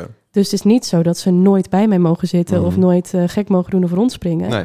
Maar op de momenten dat het voor mij kan. En Ja. hetzelfde met springen hier in huis. Nou, ik heb ook onderburen. Mhm. Dus ochtends zeg ik gewoon, de buren slapen nog. Ja. Mogen zij bedenken, oh, dan is het niet zo handig als ik nu ga springen en, en heel hard met mijn auto heen en weer rijden. Ja. Maar ik leer ze dat ze zelf na kunnen denken van, dit is de consequentie. Ja. En als ze op de bank springen, zeg ik, wil je alsjeblieft op het kleed gaan springen? Niet, nee, dat mag niet. Maar wat kan wel en hoe kun je je alsnog uiten? Ja. ja, want dat is natuurlijk belangrijk, denk ik, dat je kinderen wel leren wat dan een grens is en wat wel of niet mag. Ja, en als moeten ik in een restaurant ben, Ja. zij zijn niet die kinderen die rondrennen. Goed zo. Zij, zij zitten gewoon. Ja. Bedankt. Namens de wereld, bedankt. ja, ik vind dat persoonlijk heel irritant. ik ook. En ik wil niet dat zij in een situatie komen waarin zij denken dat dat gepast is. Mm. Dus al die confrontaties hebben, Ja. of die negatieve energie van al die mensen die ze irritant vinden. Dus behoed je ze daarvoor als ouder. Ja. En je behoedt jezelf voor die situatie. ja. Dus in dat soort dingen, tuurlijk, in opvoeding is het heel belangrijk. Maar er zijn ook momenten dat ik voel dat ik ehm, vanuit mijn werk gewoon veel te veel druk heb. Mhm. Omdat die telefoon de hele tijd aanstaat en iedereen van alles van mij moet. En op het moment dat zij dan ook nog eens iets van mij moeten, wat een hele normale vraag is, dat ik heel chagrijnig reageer. ja, dus dan worden zij de druppel. Dan worden zij de druppel en die hebben er niet om gevraagd. Oh ja. Dus dat zijn die momenten dat het echt een spiegel is dat ik weet van, eh, Hier moet ik wat mee. Ja, Hmm. Sorry. En dan sorry zeggen tegen je kind van twee of drie. Ja. Tuurlijk. Want heel veel dat- ouders ja. doen dat niet. Hè? Die zeggen geen sorry tegen hun kind, want ik ben de ouder, dus Ja, ik dat, hoef geen sorry te zeggen. dat is ook ego. Ook ego. Ja. Maar ik zeg heel vaak even sorry tegen mijn kind als ik weet dat ik even ja, niet echt reageerde hoe ik zou moeten. Nee, en dat, dat is denk ik ook goed. Weet je, en dat je zelf kijkt naar... dat je zelf gewoon doorhebt. Hé, hey, ik ben niet zo bereikbaar voor mijn kind als dat ik wil zijn. Precies. Omdat ik zoveel bereikbaar ben ja. voor anderen die besluiten dat ze mijn leven even in willen fietsen. Door Ja. een telefoontje te plegen. En dan dus weer even gaan voelen van... oké, maar wat doet het eigenlijk met mij? Waar komt het vandaan? Dus ik ga Mm. niet alleen sorry zeggen tegen mijn kind en niks veranderen. Mhm. Maar dan dus inderdaad wel gaan zitten en gaan voelen van... zijn mijn prioriteiten nog waar ze moeten zijn? Ja, precies. En leef ik om te werken of werk ik om te leven? Of hoe zit het ja, eigenlijk? ja, wat, is de, wat is de balans? Ja, Precies, die is altijd lastig. ja. Ja, en ook, laat me zeggen, als je dat... Ik heb bijvoorbeeld met mijn te- telefoon altijd het idee dat... Die staat aan, want mensen hebben mij nodig. ja. Maar Maar dat is ook ego. Ja, nou ja, dat. En Ja, ja. ook het schuldgevoel dat wanneer ik een keer niet heb opgenomen... en een Mhm. model die zit vast in het buitenland... Ja. of die komt een hotel niet in of wat dan ook... alleen de gedachte al geeft me stress. Terwijl de situatie misschien helemaal niet gaat gebeuren. Nee. En de vraag is of ze dit probleem zelf kan oplossen of niet. Dat ook nog heel vaak, maar dat is dus iets wat ik ook moet leren. Want Mhm. iedereen die komt altijd meteen bij mij, omdat ik die ruimte geef. Ja, Je kan ook inderdaad even wachten en kijken hoe ver iemand zelf komt. ja. En dan pas die hulplijn inschakelen. Maar ja, ik ben dus heel vaak die hulplijn die eh, in mijn ego daar waarschijnlijk al staat van... eh, ja. ik help je wel. Ja, maar dat is ook logisch. Kijk, je wil ook zorgen voor mensen. Dus dat Ja. is ook oké. Kijk, en ik denk misschien als er een model vastzit in een vliegtuig in het buitenland, dat misschien dat het moment is dat je dat het ook. Ja. Nee, maar dat het ook aan jou is. Weet je, als je daar niemand voor hebt die, eh, die dat oppakt. Maar ik merk dus wel dat omdat ik dat dus in die verantwoordelijkheden al doe... dat Mm. stukje wat jij net als laatste inzicht meegaf... van Mm. wel een beetje meer voor elkaar zorgen... Mhm. daar voel ik dus niet altijd de ruimte voor. Terwijl dat dan ook wel eens gepast kan zijn. Ja, maar dan denk ik dat je voor jezelf moet inschalen wat dan belangrijk is. Dus wat ik zelf merk is als ik te veel ga helpen, Ja, dan juist op het moment dat het nodig is, heb ik geen lucht meer voor. ja precies. Omdat ik wel aan het helpen ben met de bullshit. Ja. Dus eh, eh, weet ik veel bijvoorbeeld dat ik dan aan het werk ben, dat die gasten een drukke week hebben gehad. En dat ik zie dat er drie dingen even extra schoongemaakt moeten worden. En denk ik, oh, dat doe ik wel even. Eh, maar dat als dan de telefoon gaat, omdat er echt iets belangrijks is, dat ik denk, ja, ik ben al de hele week bezig, bij wijze van. precies. Dat je dat dan loslaat. Ja, Terwijl, eh, ja, de prio is wel dat telefoontje en Ja. niet eh, of ergens een doekje overheen haalt natuurlijk. ja, dat soort dingen doe ik best wel eens. Mag ik wel aan werken, denk ik. Nou ja, maar dit, ja, je mag er altijd aan werken. Dat is alleen maar goed. Ja, je wordt er altijd beter van. Alleen leg je geen druk op voor jezelf. Want weet je, we hadden het net over eh, eh, inzichten lezen en luisteren naar podcasts en dingen verkrijgen en dingen horen van anderen. Ik denk dat je levenslessen leert doordat je... le- Het leven geeft je af en toe gewoon een zetje. ja, Weet je wel, je leert het beste met geld omgaan doordat je failliet gaat. Eh, of dat je je rekening niet kan betalen. Je leert het beste met de liefde omgaan op het moment dat je hart een keer gebroken wordt. En ik denk dat dat de lessen zijn waar je wat aan hebt. Weet je, iedereen kan je vertellen dat je open moet zijn, vertrouwen moet hebben, eerlijk moet zijn, niet bang moet zijn en dingen moet proberen. Dat zijn, ja, Ja. maar totdat je een keer daar tegenaan loopt, ja. gaat er niet zoveel veranderen. Dus dat, Dankjewel. alsjeblieft. Graag gedaan. Thanks. Waar kunnen mensen jou vinden als ze meer van je willen weten? Oeh, eh, ja, ik heb eh, een, een, een, een eh, persoonlijk kunnen vinden op Instagram, Matzo Groning. En, eh, Dubbel O, Ja, De- oh ja. allemaal dubbele O's. M-A-T-T-S. en dan Hooggewoning is H-O-O-G-E-W-O-O-N-I-N-K. Dus succes. En ehm, je mag dit nog een keer rustig terugspoelen. En eh, verder kun je me op LinkedIn vinden. En eh, ja, verder altijd bereikbaar. Als je het wil weten, dan... eh, Altijd bereikbaar, pas op wat je zegt. Ja, ja oké, sorry. Je kan me altijd een berichtje sturen. Of ik er direct op reageer, dat denk ik eigenlijk niet. Dan moet hij eerst even voelen of hij naar voren of naar achter leunt. Precies, dat. Of je dat wil of niet. Dus dat, Dankjewel. alsjeblieft. Bedankt voor het luisteren naar alweer de veertiende aflevering. We gaan best wel lekker zo, toch? Het is lief als je deze aflevering zou willen delen via social media. Wanneer je op Instagram in je story at malou.mout en at ownpodcast tagt, dan kan ik het ook weer delen. Maar eigenlijk veel belangrijker, laat me vooral weten wat je hiervan vindt en welke onderwerpen jij meer over wilt horen. Want dat motiveert mij om hier ook vooral mee door te gaan. Ik vind het gewoon heel leuk om met je in gesprek te gaan, want uiteindelijk deze podcast heb ik niet alleen maar om met mezelf te praten en met de ene gesprekspartner die tegenover me zit, maar vooral ook om te verbinden met jou. Dus laat niet je tegenhouden en spreek me vooral aan, want dat vind ik alleen maar leuk. Voor nu wens ik je een hele fijne dag, avond of een goede nacht. En ik hoop dat je de volgende keer weer luistert.